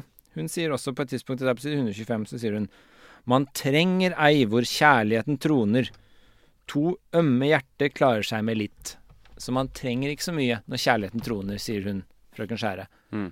Og når du liksom er, har kjærligheten på plass, så kan du komme unna med veldig lite. Og det tror jeg er litt sånn interessant. Det er det noe i. Når du har liksom to stykker elsker hverandre, så er det bare hverandre man er oppslukt i, og så er det ikke så mye annet du egentlig trenger så lenge du har den. Men Ja. så kommer tiden og dagene, og så kommer plutselig Oi, shit, vi må noe penger, og så kommer alle de borgerlige pliktene, og så Oh. da, da grøsser Røde. Ja, jeg bare tenker på Vi snakket jo om Charles Dickens og Christmas Carol innledningsvis. Og Mm. Det er jo de borgerlige dydene som ødelegger ham fullstendig. Mm. Så den, den fortellingen er jo motsatt av denne, egentlig. Han skal huske det estetiske. Han har gått for langt motsatt her. Mm. Scrooge du tenker på. Ja. Scrooge, ja. På, eh, litt senere på side 125 så sier Linn, det er han teologistudenten som er sammen med Anna, da. Ja, jeg har fanget lykkens fagre fugl, sier han. Han har blitt sammen med Anna. Ja. Så sier Falk, så? Levende og ei snaren kvalt. Igjen veldig speedy. Ja. Han har fanga denne ikke- og så spør han bare Å, du har ikke kvært deg i den du fanga ham med? Ja. Så han er Ja. Det er det morsomste med folk, egentlig. Ja. Uh, Det, det var et ja, mange sitater egentlig når jeg ser noe, jeg også. Uh, Ja, det er masse, masse sitater. ehm. det er jo dette Denne lille talen her til Svanhild, da. Efter at uh, Jeg kan jo først lese denne talen til Falk. mm. Når han um, Rett og Altså, hans forslag Hvis man tenker efter, hans frieri til Svanhild er jo ganske groteskt. Fordi han ber henne om å være den som skal løfte ham opp mm. og bli en dikter. Og det er jo litt problematisk, for det det, det- bør han greie på egen hånd. Ja. Det er litt det Kirkegård gjør med Regine også. For her kommer han, her sier han Det er jo det alle kunstnere trenger, en muse, er det ikke det? Jo, de gjør jo det. Det er sant, det. Men, men, men det å legge det frem på den måten, Ja. det å spørre om 'kan du løfte meg', Mm. den er, det er litt taktløst. ja. Men her kommer iallfall talen hans. Ja! Eller hun spør. Hvor er det nå, si det? Eh, side 132. Mm.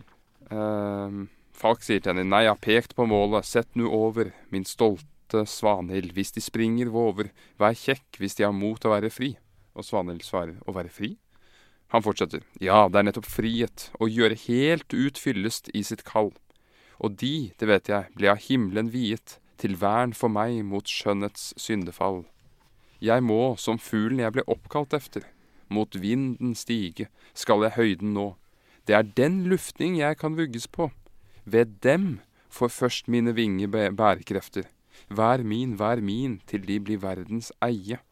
Når løvet faller, skilles våre veie. Mm. Så det vil altså si at han har tenkt til å bruke henne inntil inspirasjonen er over, og da skilles vi igjen. Mm. Det er jo ærlig, i hvert fall. Det er ikke du som har sansen for ærlige folk. Jo da, og jeg har jo sansen for folk, men til og med jeg kan jo se at dette objektivt sett er ufint. Ok, ja. Til og med du ser det. Ja. Ja, det er bra. Eh, det er et par sitater her jeg syns var litt artig. Denne, dette er på side Dette er på side 122. Nei, 127. Uh, Så er det to sitater jeg liker. Det ene Ja, det er begge av Svanhild, faktisk.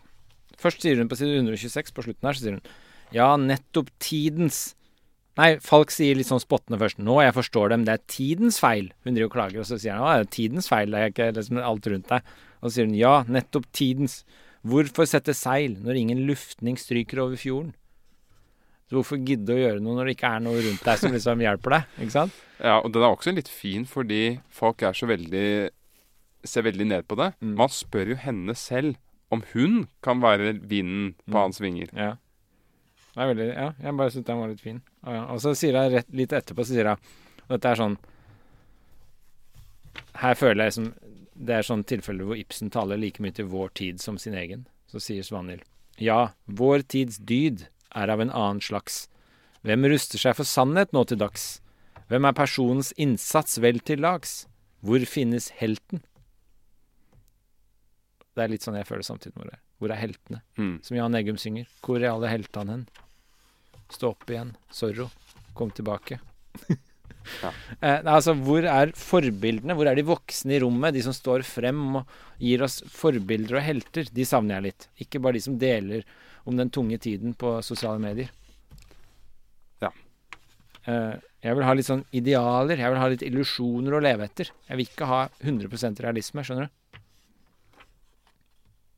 Ja, det er selvfølgelig. Eh, og Eh, det, og det er- det sier Svanhild er veldig fint, da. Falk holdt jo en annen tale her som var veldig fin, som jeg ikke fant umiddelbart, hvor han sa at du kan ha rustning og sverd, men du er ikke dermed en helt. Ja. Og så sier han noe sånn som Hva har skall å si når eh, perlen inni er borte? Ja. Det er også et veldig fint sitat, syns jeg. Uh, uh, og så var det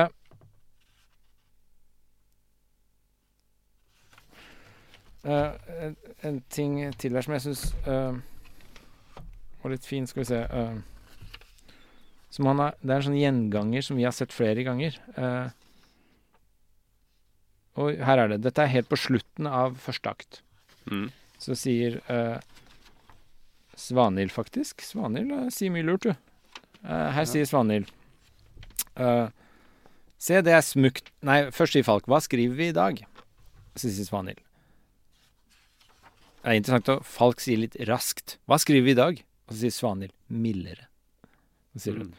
Se, det er smukt, la denne dag en merkedag den være, la farten gå for egne vingers flukt, så får det enten briste eller bære, papirets diktning hører pulten til, og kun den levende er livets eie. Eh, så det å sitte og dikte liksom sånn ved pulten din, det er liksom litt sånn teit, du må leve.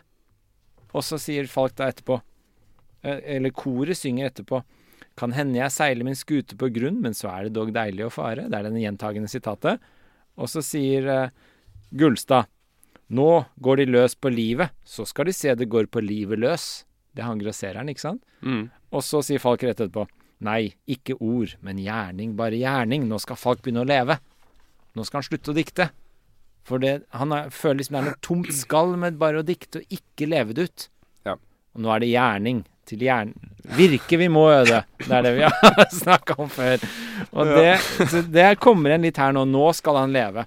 Det syns jeg er sånn interessant, fordi jo Nei, mer nu til dåd, for lenge har jeg sovet. Ja, ikke sant? Nå må du opp og stå og gjøre noe, og det drivet der, det kan fort bli borte hvis du bare sitter og dikter lenge nok. Mm.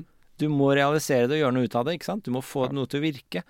Og det drivet tror jeg er veldig viktig. Og det Ja, det Ja, men føler- samtidig så, føler jeg satt, så satt jeg og ventet på denne store dåden hans. Og den store dåden hans var jo bare å Forlove seg. Nei, men i andre akt, da, hvor han skal leve ut, det var jo bare å bli enda spydigere. Ja, ja, men dåden hans er jo kanskje da å bestemme seg for å forlove seg. Da forplikter han seg litt. Da virker han. Men så viser det seg at det funka ikke allikevel, for tvilen blir sådd av grossereren. Og så går han inn i koret, som du sa. Og da, Ja. finner han, da virker han jo. Da skal han ikke dikte lenger. Da faktisk synger han. Mm, mm. Og da går han i virke. Da Ja. lever han. Og, og da gjør det ikke noe om du har skuta går på grunn, for da har du seila litt. Da har du levd litt, ikke sant? Og da sier det som Gullstad sier, nå går de løs på livet, så skal de se at det går på livet løs. Og det er litt sånn kloke ord fra grossereren her. Ja, for han er jo den eneste Han er eneste av disse på den borgerlige siden som har forstått begge sider, Ja, tenker jeg. det er sant. Mm. Og så er Falk den som på en måte på estetiske siden som forstår det litt begge sider også. Det er også interessant med disse søstrene, for det har gått igjennom i flere, flere stykker her. Disse to kvinnene, vet du. Vi har det samme her. Ja. Furia Aurelia går igjen. Ja, Det er Anna og Anna og Svanhild. Ja, Anna er jo helt, helt intetsigende. Helt, Mm. ne, faktisk litt sånn sensurerende. ja hun er, er litt hun sånn nekter sin hun I er- annen akt hun nekter Eller er det tredje akt hun nekter sin, sin forlovede å ha noe mer å gjøre med folk. Ja. Nei, Anna er faktisk ganske kjip. Uh, og du må huske på jeg, Anna er liksom litt sånn kommunegrå, ikke sant? Ja. Mens Vanhild er sånn flommende, stort rødt hår. Ja, det er det. En rød svane. Flott, fantastisk hår. Så Svanhild er liksom den Ja. Nei, det er interessant. Han har alltid disse to dualitetene i kvinnene. Ehm, Ja, det er forresten Det er jo Jeg snakket med min søster om det, og det er, my, det er mye mer vanligere å snakke om den De to skikkelsene blant Altså, blant kvinner så snakker de om de to typene som menn. Eh, de kaller det Chad og Dad ja, ja. på engelskspråket. Det er den Ja, ja. spennende mannen, og så er det den trygge. ja, ja. Men det er ikke ofte man snakker om kvinner på samme måte. Nei, da har du kanskje det Det gjør tilsvarende Ibsen her. Ja, det tilsvarende vil jo kanskje være den trygge, kjærlige kvinnen som passer på deg, versus den litt sånn ville, frigjorte, seksuelle aktive. Ja. Det er kanskje Og, den og Svaner sier jo veldig tydelig der i første akt at hun har ikke lyst til å være vingen under hans Ja. vinger. Mm. Han må klare å fly selv. Mm. Jeg trodde ikke du var en falk, jeg trodde du var en drage, sier hun. Mm.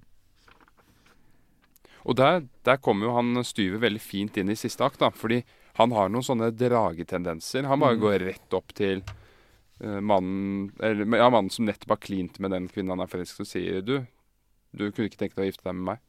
Mm. Helt så han, han bør ikke noe hjelp Men han, han gjør det for å utfordre dem, eller tenker du at han gjør det fordi han faktisk vil ha Svanhild? det jeg tror nok det er begge deler. Ja.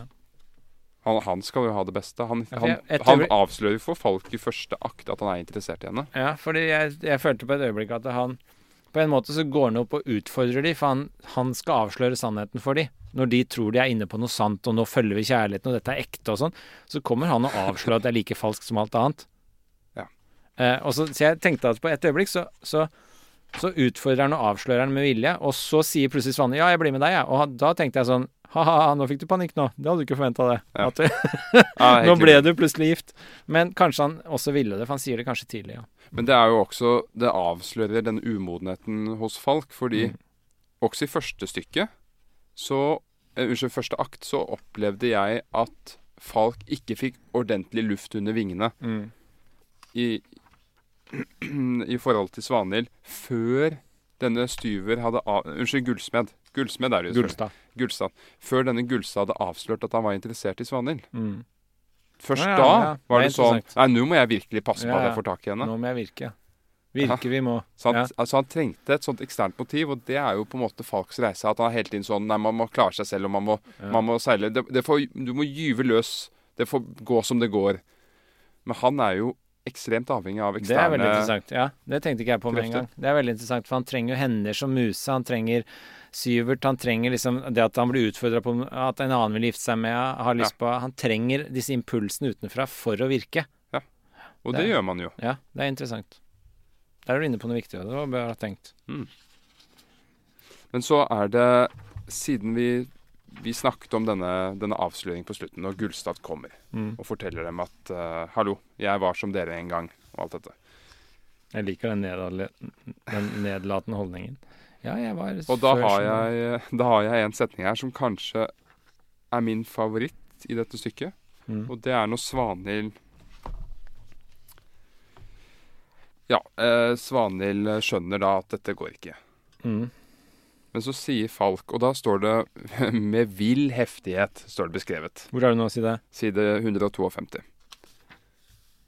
Mm. Eh, ja, jeg kan jo bare lese opp den delen. Efter Gullstad holdt denne talen, så sier, så sier Falk Eller Svanhild sier Eller unnskyld. Falk sier 'du er så blek', Svanhild, og du så stille. Ja. Falk sier 'ja', Svanhild, han var oss verst. Også Falk, han stjal meg margen fra. Hvor hardt han slo, svarer hun. Han visste godt å ramme, svarer han. Mm. Det var som alt gikk under i det samme, Mm. svarer Svanhild. Og så fortsetter hun. Hvor vi var rike, rike i en annen. Da hele verden hadde oss forlatt. Da våre tanker steg som slag mot stranden, av bølgebrytning i den stille natt. Da var det seiersmot i våre sjele, og lit på evig elskov mellom to. Han kom med verdens gaver, tok vår tro, og plantet tvil, og så forgikk det hele. Og så kommer Falk, med vill heftighet, står det. Riv det ut av minnet!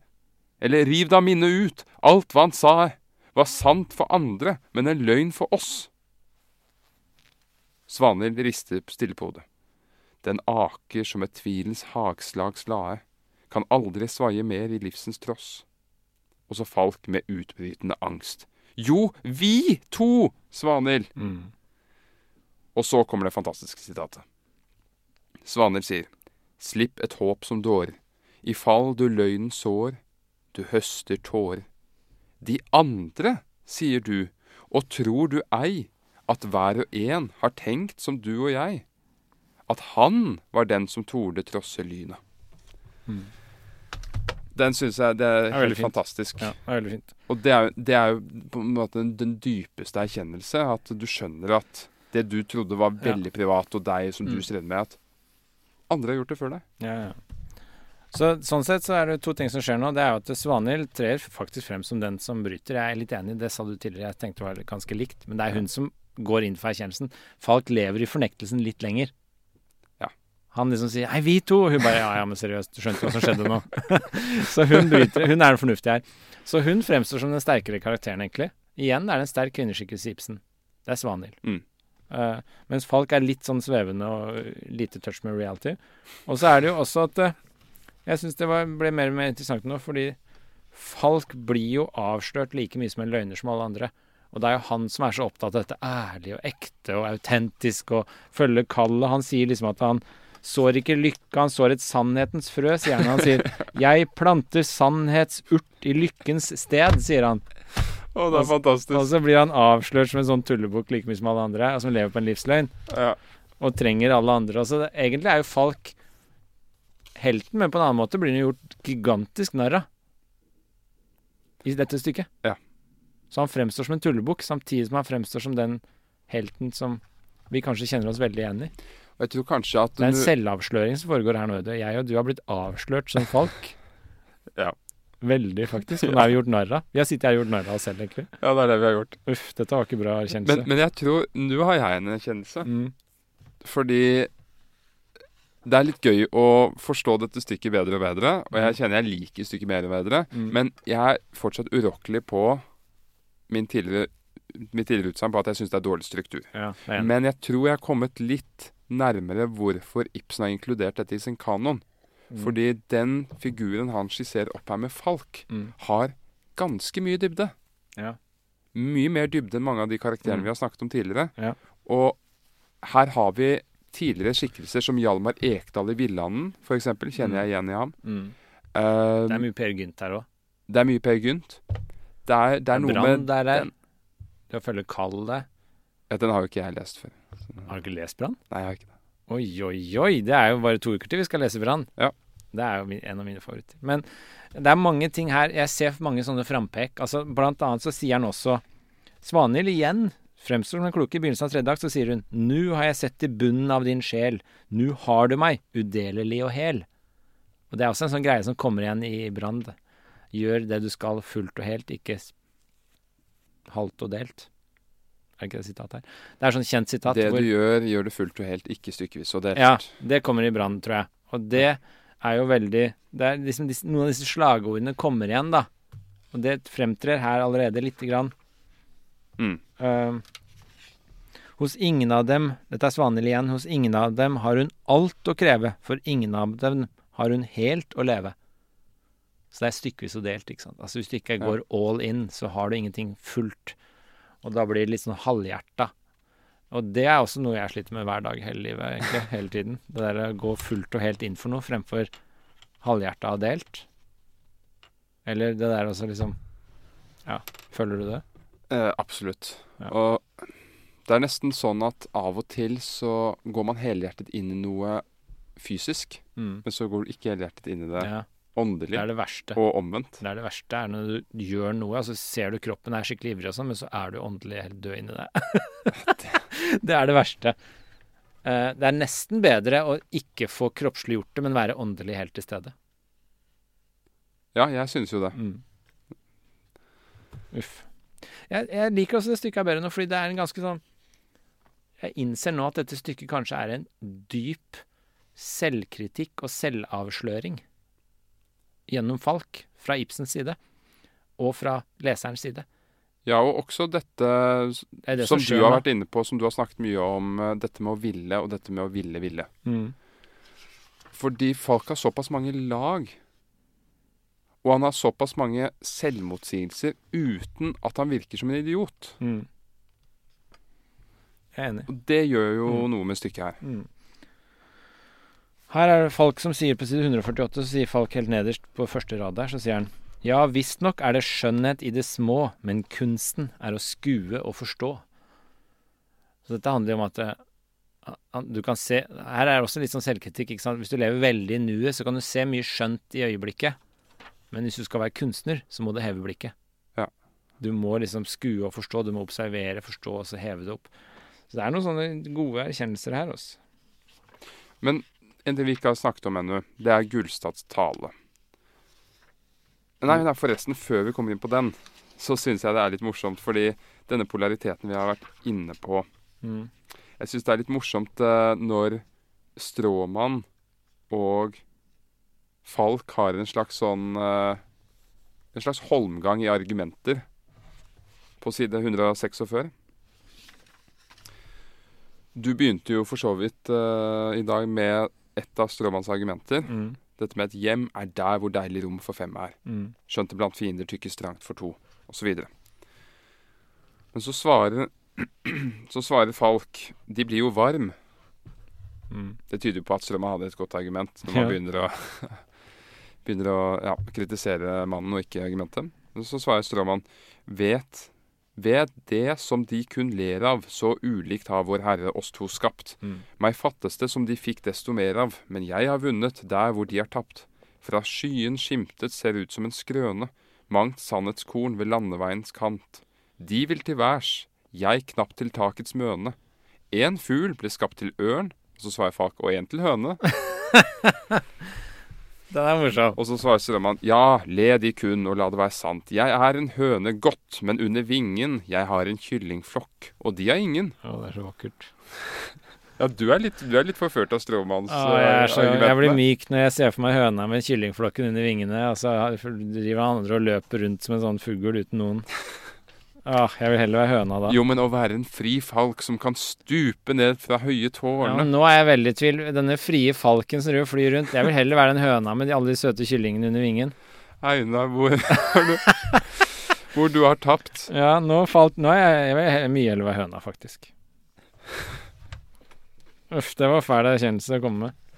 Ja, nei, jeg, nei jeg, jeg holder meg til falken her. Ja, du får være falken. Jeg syns det høres så ynkelig ut å være høne. Ja, men jeg vil heller være Jeg, Jeg vil stifte en falkefamilie. Jeg vil være hanen, jeg. I en binge full av høner og kyllinger. Det vil jeg være. Jeg vil ikke være høna, selvfølgelig. Jeg bare syns det er så koselig å se på høna. Men du er verpesyk, du, Einar. Nei, jeg bare Jeg liker å se på verpesjuke høner, skjønner du. Jeg skjønner det. Det er, et- det er et koselig bilde. Ja. Men, men det er et veldig flott bilde, da. Denne, denne frie falken Mm. og denne koselige hønene. Jeg tror at en annen dag så kan det hende at du heller sympatiserer med ørnen. Å ja, altså det gjør jeg, jeg daglig. Altså, jeg er jo ørnen Du bare, daglig. du bare falt litt nå i dette øyeblikket. Ja, altså, det, det er et sted hvor han sier liksom Jeg vil være lykkelig på formiddagen, husker du det? Det er en av de som sier jeg, jeg søker lykken hver formiddag. Og det syns jeg var så vakkert, fordi det er jo det eh, Det er jo det eh, som er så utrolig sant for meg. Altså, jeg våkner om morgenen kjempelykkelig og positiv til en ny dag. Aha. Og da er, sånn, da sånn? er jeg falken på morgenen. Da skal jeg oppnå alt. Og så, så kommer dagen, og så trenger samtidskulturen seg på meg. Og så alle forpliktelser, alt som skjer. Og så blir det bare mindre og mindre falk, og så blir jeg mer og mer den høna. Og så blir jeg mer, mørkere og mørkere til sinns, og så legger jeg meg konservativ og deprimert. Ja. Ikke sant? Mens jeg sto opp progressiv og positiv. Så jeg Mm. er jo falken, men så fader falken over i en høne utover dagen. Den vonde erkjennelsen der får jeg også fra det stykket her. Uff. Ja, formiddagens lykke Jeg tenkte Jeg er mye lykkeligere om morgenen enn om kvelden. Jo, men jeg tenkte litt annerledes på det. Jeg tenkte på at det var, eh, det var motsetning til den natteravnen, for å bruke en annen fuglemetafor. Mm. De som eh, er lykkelige om natten, og de som er lykkelige på dagen. Ja. At det er litt estetikeren og etikeren. Ja, jeg var jo mye lykkeligere om kvelden jeg var yngre, kanskje. Ja. Da satt jeg oppe mye seinere, og nå er jeg bare liksom Jeg føler jeg går og legger meg helt til og gleder meg til å stå opp. Ja. Så Ja. Det er jo også en sånn erkjennelse som kommer med alderen, hvor viktig søvnen er. Mer Det mer. ja. Det der jeg må ha mine åtte timer, liksom. Ja. Har du begynt å få det allerede? Du er yngre enn meg. Uh, jeg har begynt å få, få det, ja. Ja. Eh, men jeg har egentlig hatt det veldig lenge. Det er bare det at Du har ikke vært en gammel mann siden du var ung, du. Ja. Men nei, nei, ikke gammel. Middelaldrende. Ja, du har vært liksom Du har vært 50 eller 40? Jeg har hatt midtlivskrise Ja, du har ungdommen. vært 45 siden du var 20, du. Nei, nei, jeg har ikke lyst til å si at jeg er en gammel sjel i en ung kropp, for det min far har lært meg. Det er eh, pompøst. Ja. Det må man ikke si. Nei, Men du har vært en middelaldrende fyr hele livet? Middelaldrende, kan jeg si. Hele livet. Ja. Jeg har alltid Altså, det er interessant, fordi jeg har alltid vært fem år og 80 år hele livet. Ja. Jeg har aldri vært middelaldrende. Jeg har alltid vært veldig barnslig og lest Batman og hørt på Guns N' Roses. Og så samtidig som jeg har sittet og studert Rembrandt, skjønner du. Så jeg har Ja. alltid vært gammel og ung. Men jeg har aldri vært middelaldrende. Det er jeg fortsatt. Nå er jeg middelaldrende, men jeg er jo fortsatt bare kjempegammel og kjempeung. Ja. Så jeg er splitta i hvert ytterpunkt, mens du har alltid vært i midten. Det er interessant. Nja, altså Jeg tror nok du har tenkt mer på dette enn meg. Dette med, altså, dette med det middelaldrende, det er bare for å unngå å si at jeg er gammel i en ung kropp. Ja, okay, Ja. For det er så flåsete. Det var det jeg tenkte. Mens du har jo gjennomtenkt uh, dette. ja, du var en gammel gubbe hele livet, du.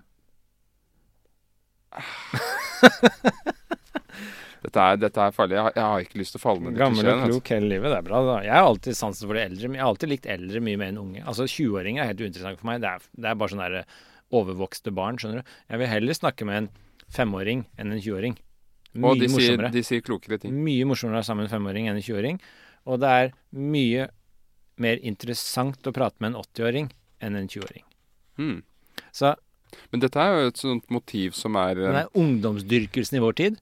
Og 20 Ja, vakre, vakre 19-åringer. Helt uinteressant. Men kjenner du til eh, Du kjenner selvfølgelig til Tornerose. Mm.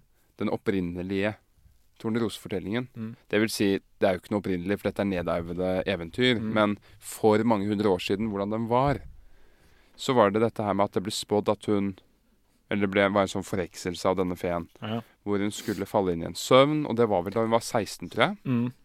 Og det ville ikke vekst til live igjen før Nå husker ikke jeg alt. Men hun ligger der og sover, og 16 er jo, er jo når folk blir skikkelig sånn ungvoksne, som du Ja. beskriver. Mm. Hun ligger der og sover, og i det opprinnelige eventyret visstnok, så våkner hun ikke av et kyss. For det er Disney. Disney er helt besatt av kyss. Mm. Men det som skjer, er at prinsen kommer, ligger med henne mens hun sover, drar igjen. Og så føder hun to tvillinger. Og de går opp, og de suger giften ut av henne. Og først da våkner hun. Ah, det er mye mer interessant eventyr. Ja. Og den perioden der Men Disney kan jo ikke ha den voldtekt, sovevoldtekten i sine barnefortellinger, det skjønner du. ja, Det skjønner jeg ikke. Jeg syns vi undervurderer barn i dag. Ja, nei, det er kanskje sant, men uh, ja. Nei, De- det er Altså, det er sånn Altså, bybarn, jeg skjønner. Vi må verne om bybarnene. Men gutter som vokser opp på landet, de blir kjent med død og mishandel tidlig i livet, altså. sånn som du og jeg. Eller særlig min nevø. Mm. Min nevø er jo sånn Når min, min svigersøster salter snegler, Mm. eller sånne, hva kalles det, sånne Brunsnegler. brunsnegler, Ja. så, så sier min nevø ha det. De skal dø en sakte Ja. død. De skal tørkes ut. Ha det. Ja, ja. Nei, så, så det eventyret beskriver det du sier, denne, denne perioden imellom barn og voksen, Mm. hvor du egentlig er helt uinteressant. Ja. Du er sleeping beauty, Mm. som det kalles. Mm. Du er bare vandrende sovende. Du er på ditt vakreste, men du er ikke til stede. Nei, altså det jeg ser, Sånne unge voksne de er jo pene, liksom. Rynkefrie og alt sånt, men det er jo det er bare helt dølt. Altså, du som maler, og du vil ikke male en på 20. Det er jo ikke noe interessant. Det er mye mer interessant å male eldre.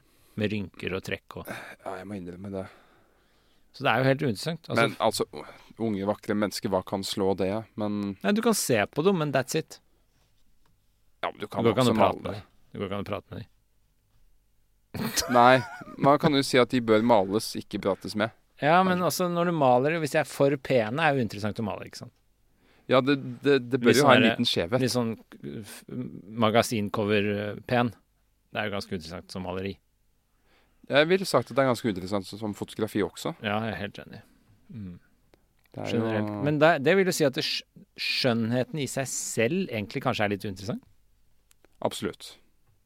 Absolutt. Eh, Jeg, jeg tenker at når vi snakker om sånn stereotypisk skjønnhet, eller sånn Mm. motebladskjønnhet, så snakker vi mer om fravær av noe enn at det innehar noe. Mm, alt Det er er, symmetrisk og harmonisk. Ja? Ja. Det er fravær av rynker, som du nevner. Mm. Det er fravær av um, rariteter, Mm. disharmoni. Men det har egentlig ikke så mye. Nei. Det er derfor når jeg tegner et portrett av noen, så har jeg alltid sagt det gøye med det, grunnen til at jeg har lyst til å prøve å bli god på det, er jo at du ser den personen helt annerledes. Du begynner å sette pris på rynkene. Du begynner å elske det skakke i ansiktet.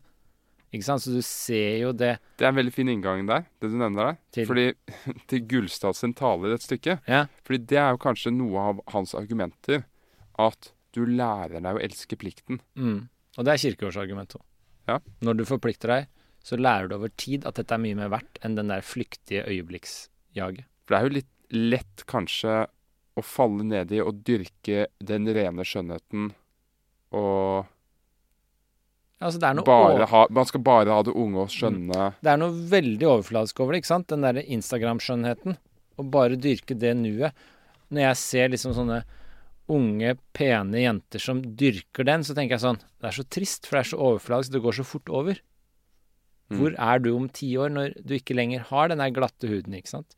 Altså, det er så uinteressant. Når du bygger ditt hus på sand. Ja, det er fra Bibelen, og det er så sant, da. Det er så uinteressant. Og det Sånn sett kan vi se tilbake på Ibsen, da. Han lyktes jo både med den forpliktelsen å lære verdien av det å elske noe over tid, og forplikte seg, og han ble en stor kunstner. Så han fikk jo til begge deler. Ja, men uh, sannsynligvis mange personlige ofre som, uh, som vi ikke vet noe om. Ja, utenfor eh, Susanna og Sigurd. Kjernefamilien hans. Altså den sønnen han fikk uekte, for eksempel, ble ofra. Jeg tenker det er sannsynligvis Ja, det gjorde han jo. Mm. Men også hundrevis av ting som vi ikke vet om. Mm. Bare tenk ved deg selv. Tenk på alt det du går rundt og tenker på i løpet av en dag som folk aldri får vite noe om. Mm. Han var visst heller ikke noe veldig sånn hjertelig og For hyggelig eksempel Ibsen ga seg jo som maler. Ja. Og han var, det var en sånn stolthetssak for ham hele livet at han mente at han var en malerkjenner. Han Mm. har malt, og han vet Mm. det. Uh, og i ett tilfelle så endret ett maleri hans karriere som forfatter fullstendig. Men det kan vi snakke om senere. Å ja, okay. Kommer det i et senere stykke? Ja. Ja, okay. Ja, Så vi skal, vi skal holde litt på den. Ja. Uh, men Gullstads tale Ja, kom til Gullstads Jeg har tale. lyst til å lese opp noen Hvor er du nå? Si det. Det er side 150. Vi må begynne å runde av, faktisk, for vi har Ja. ikke studio lenger enn et kvarter Vi skal runde av. Men uh, fordi han kommer jo og frir til Svanhild. Mm.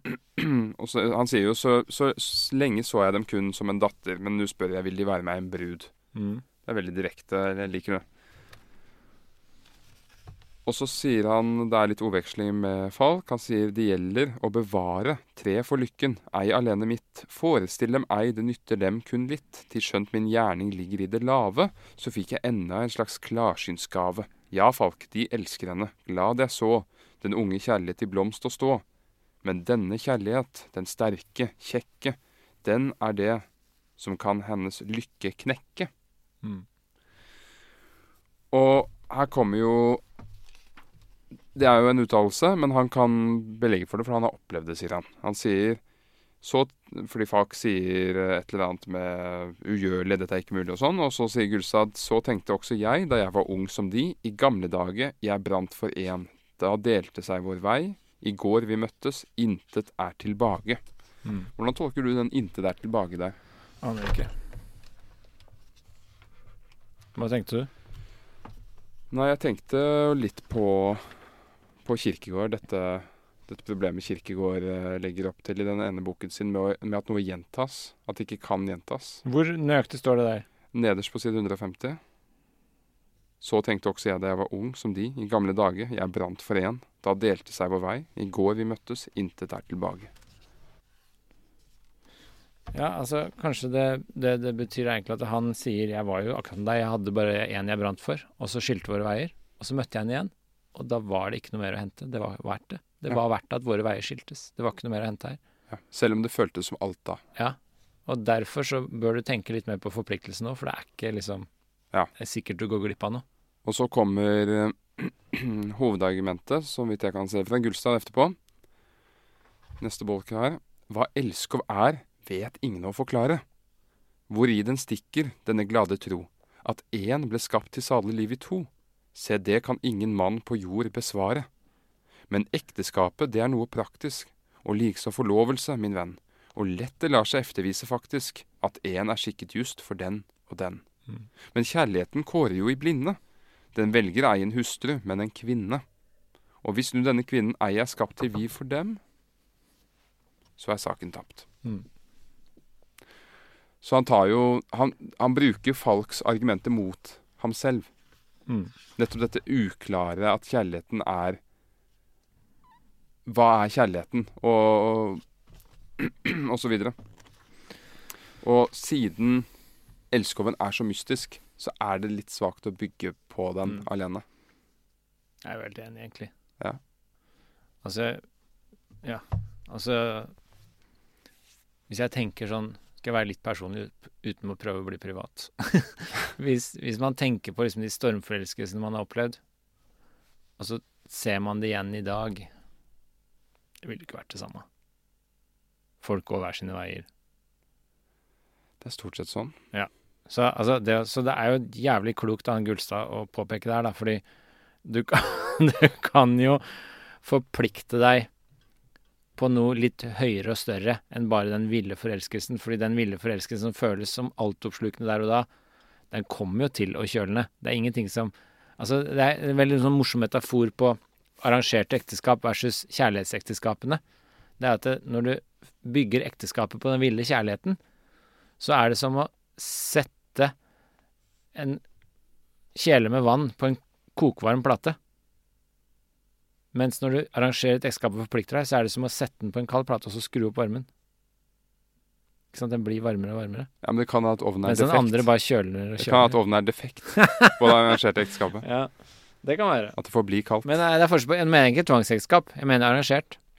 Ja. Eh, så ikke sånn der å bare dytte på deg noen du ikke vil ha, men liksom det også ta litt mer i betraktning, da, enn bare den forelskelsen. Mm. Eh, men det er faktisk noe jeg på mine eldre dager har fått mer og mer sansen for. Det er arrangert ekteskap. Ja vel. Eh, ikke tvangsekteskap, det er noe helt annet. Men arrangert ekteskap hvor familien er med og arrangerer og foreslår og kommer med kandidater og Hvis min mor skulle valgt ut en partner for meg, jeg er sikker på det ikke hadde blitt noe verre enn om jeg skulle prøve å finne det sjøl. Ja, det er jo nettopp det. Skilsmissestatistikken er jo ikke blitt noe bedre etter Nei. at folk fikk full frihet til å velge selv. Så jeg tror det er liksom sånn Noen kommer alltid til å være ulykkelige der det ender opp uansett, men jeg tror ikke det nødvendigvis det er noe verre med litt mer arrangement rundt ekteskap, da. Men det er kanskje litt utidsmessig å si. Um, Det er veldig utidsmessig å si. Eh, jeg tror kanskje du blir kansellert nå, Einar. men eh, ja. Men, uh, Men det var vakkert det du leste fra Gullstad, altså. Jeg satt nå og tenkte på når du leste, så tenkte jeg Det er jo Gullstad og Svaner som ender opp sammen. Ja. Og det er de to klokeste i stykket. Ja, så det ender jo slik det bør ende. Det ender jo med at de to klokeste finner hverandre. Og det ender med at Falk drar videre til et annet sted, Mm. hvor han kan oppleve noe produktivt. Fordi Han begynner å synge. i denne borgerlige haven her, hva kan han utrette? Han utretter ingenting. Mm. Han burde jo komme seg vekk. Så det ender jo godt på mange måter, gjør det ikke?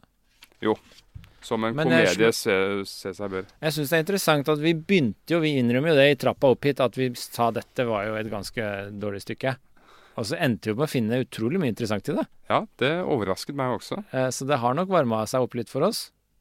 Eh, Og Ja, og jeg jeg syns jo Svanhild og Gullstad kommer godt ut av det. Hvilke er dine favorittkarakterer?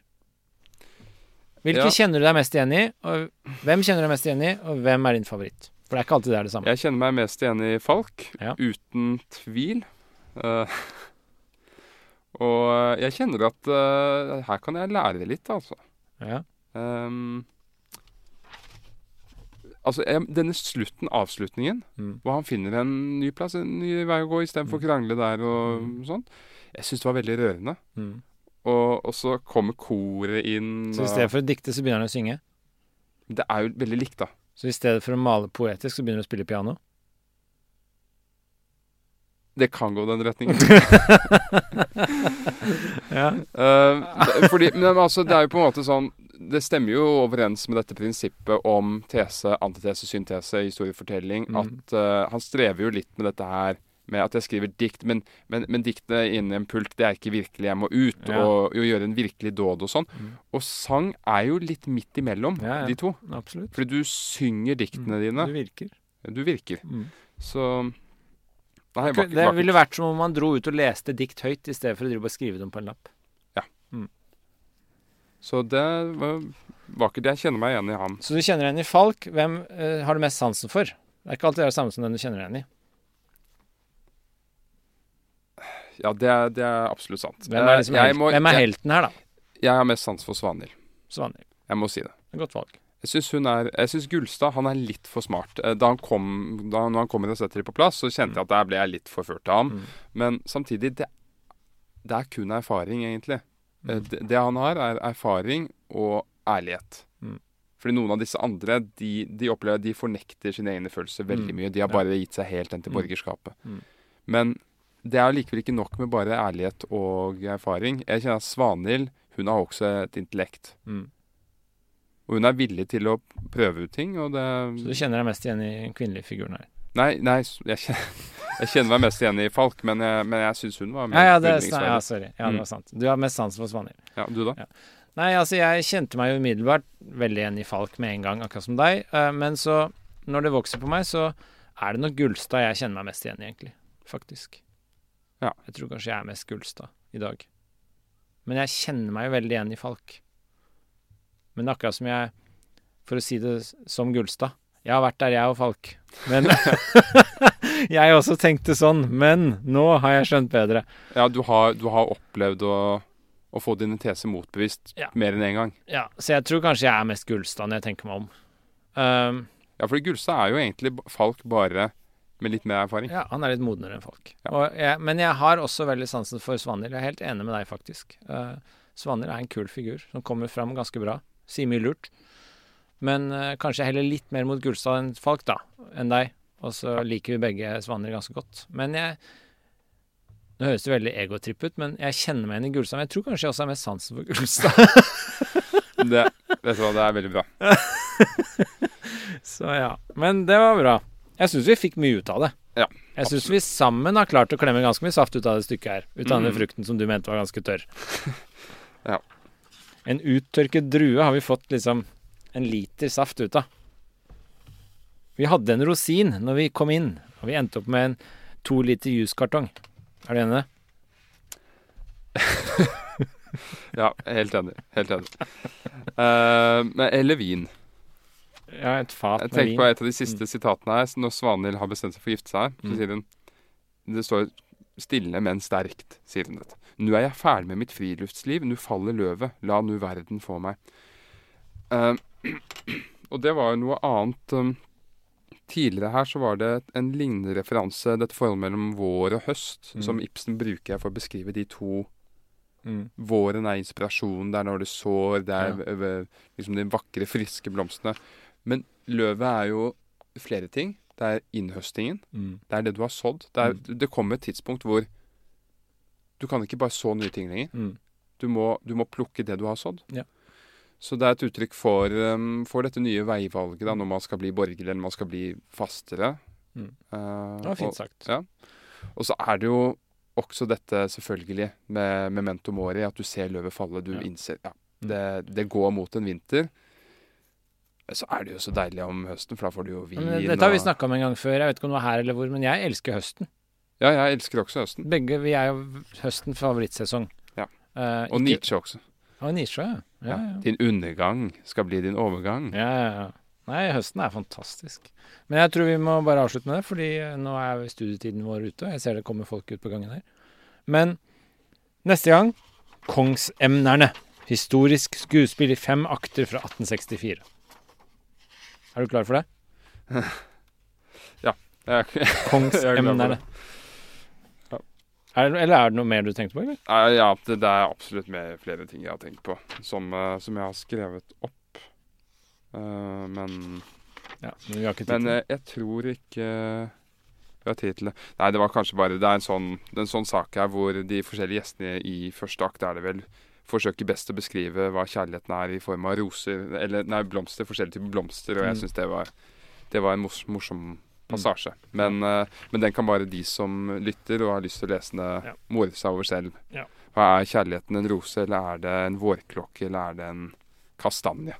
Eller en uh, Eller en stikkebusk. En altså, kaktus. Tror du det er en kaktus? Er ikke det, er ikke det en del av Det burde ha vært med, men det er ikke med. en giftig kaktus. Men uh, med kaktusen så får vi avslutte den, denne episoden om uh, kjærlighetens komedie. Mm. Og neste uke så treffes vi og skal snakke om kongsemnerne. Da er det kongsemnerne, og etter det kommer det jo klassikere på, som en perle på snor her. Da er det Brand og Per Gynt og Da må vi passe oss så vi leser det ordentlig. mm.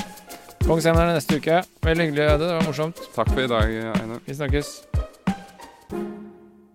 Produsert av Klinge.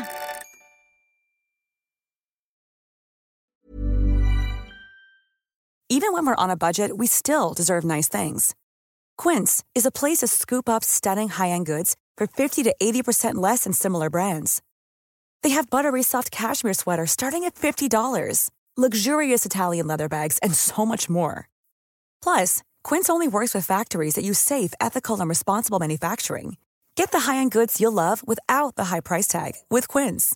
Go to quince.com/style for free shipping and 365-day returns.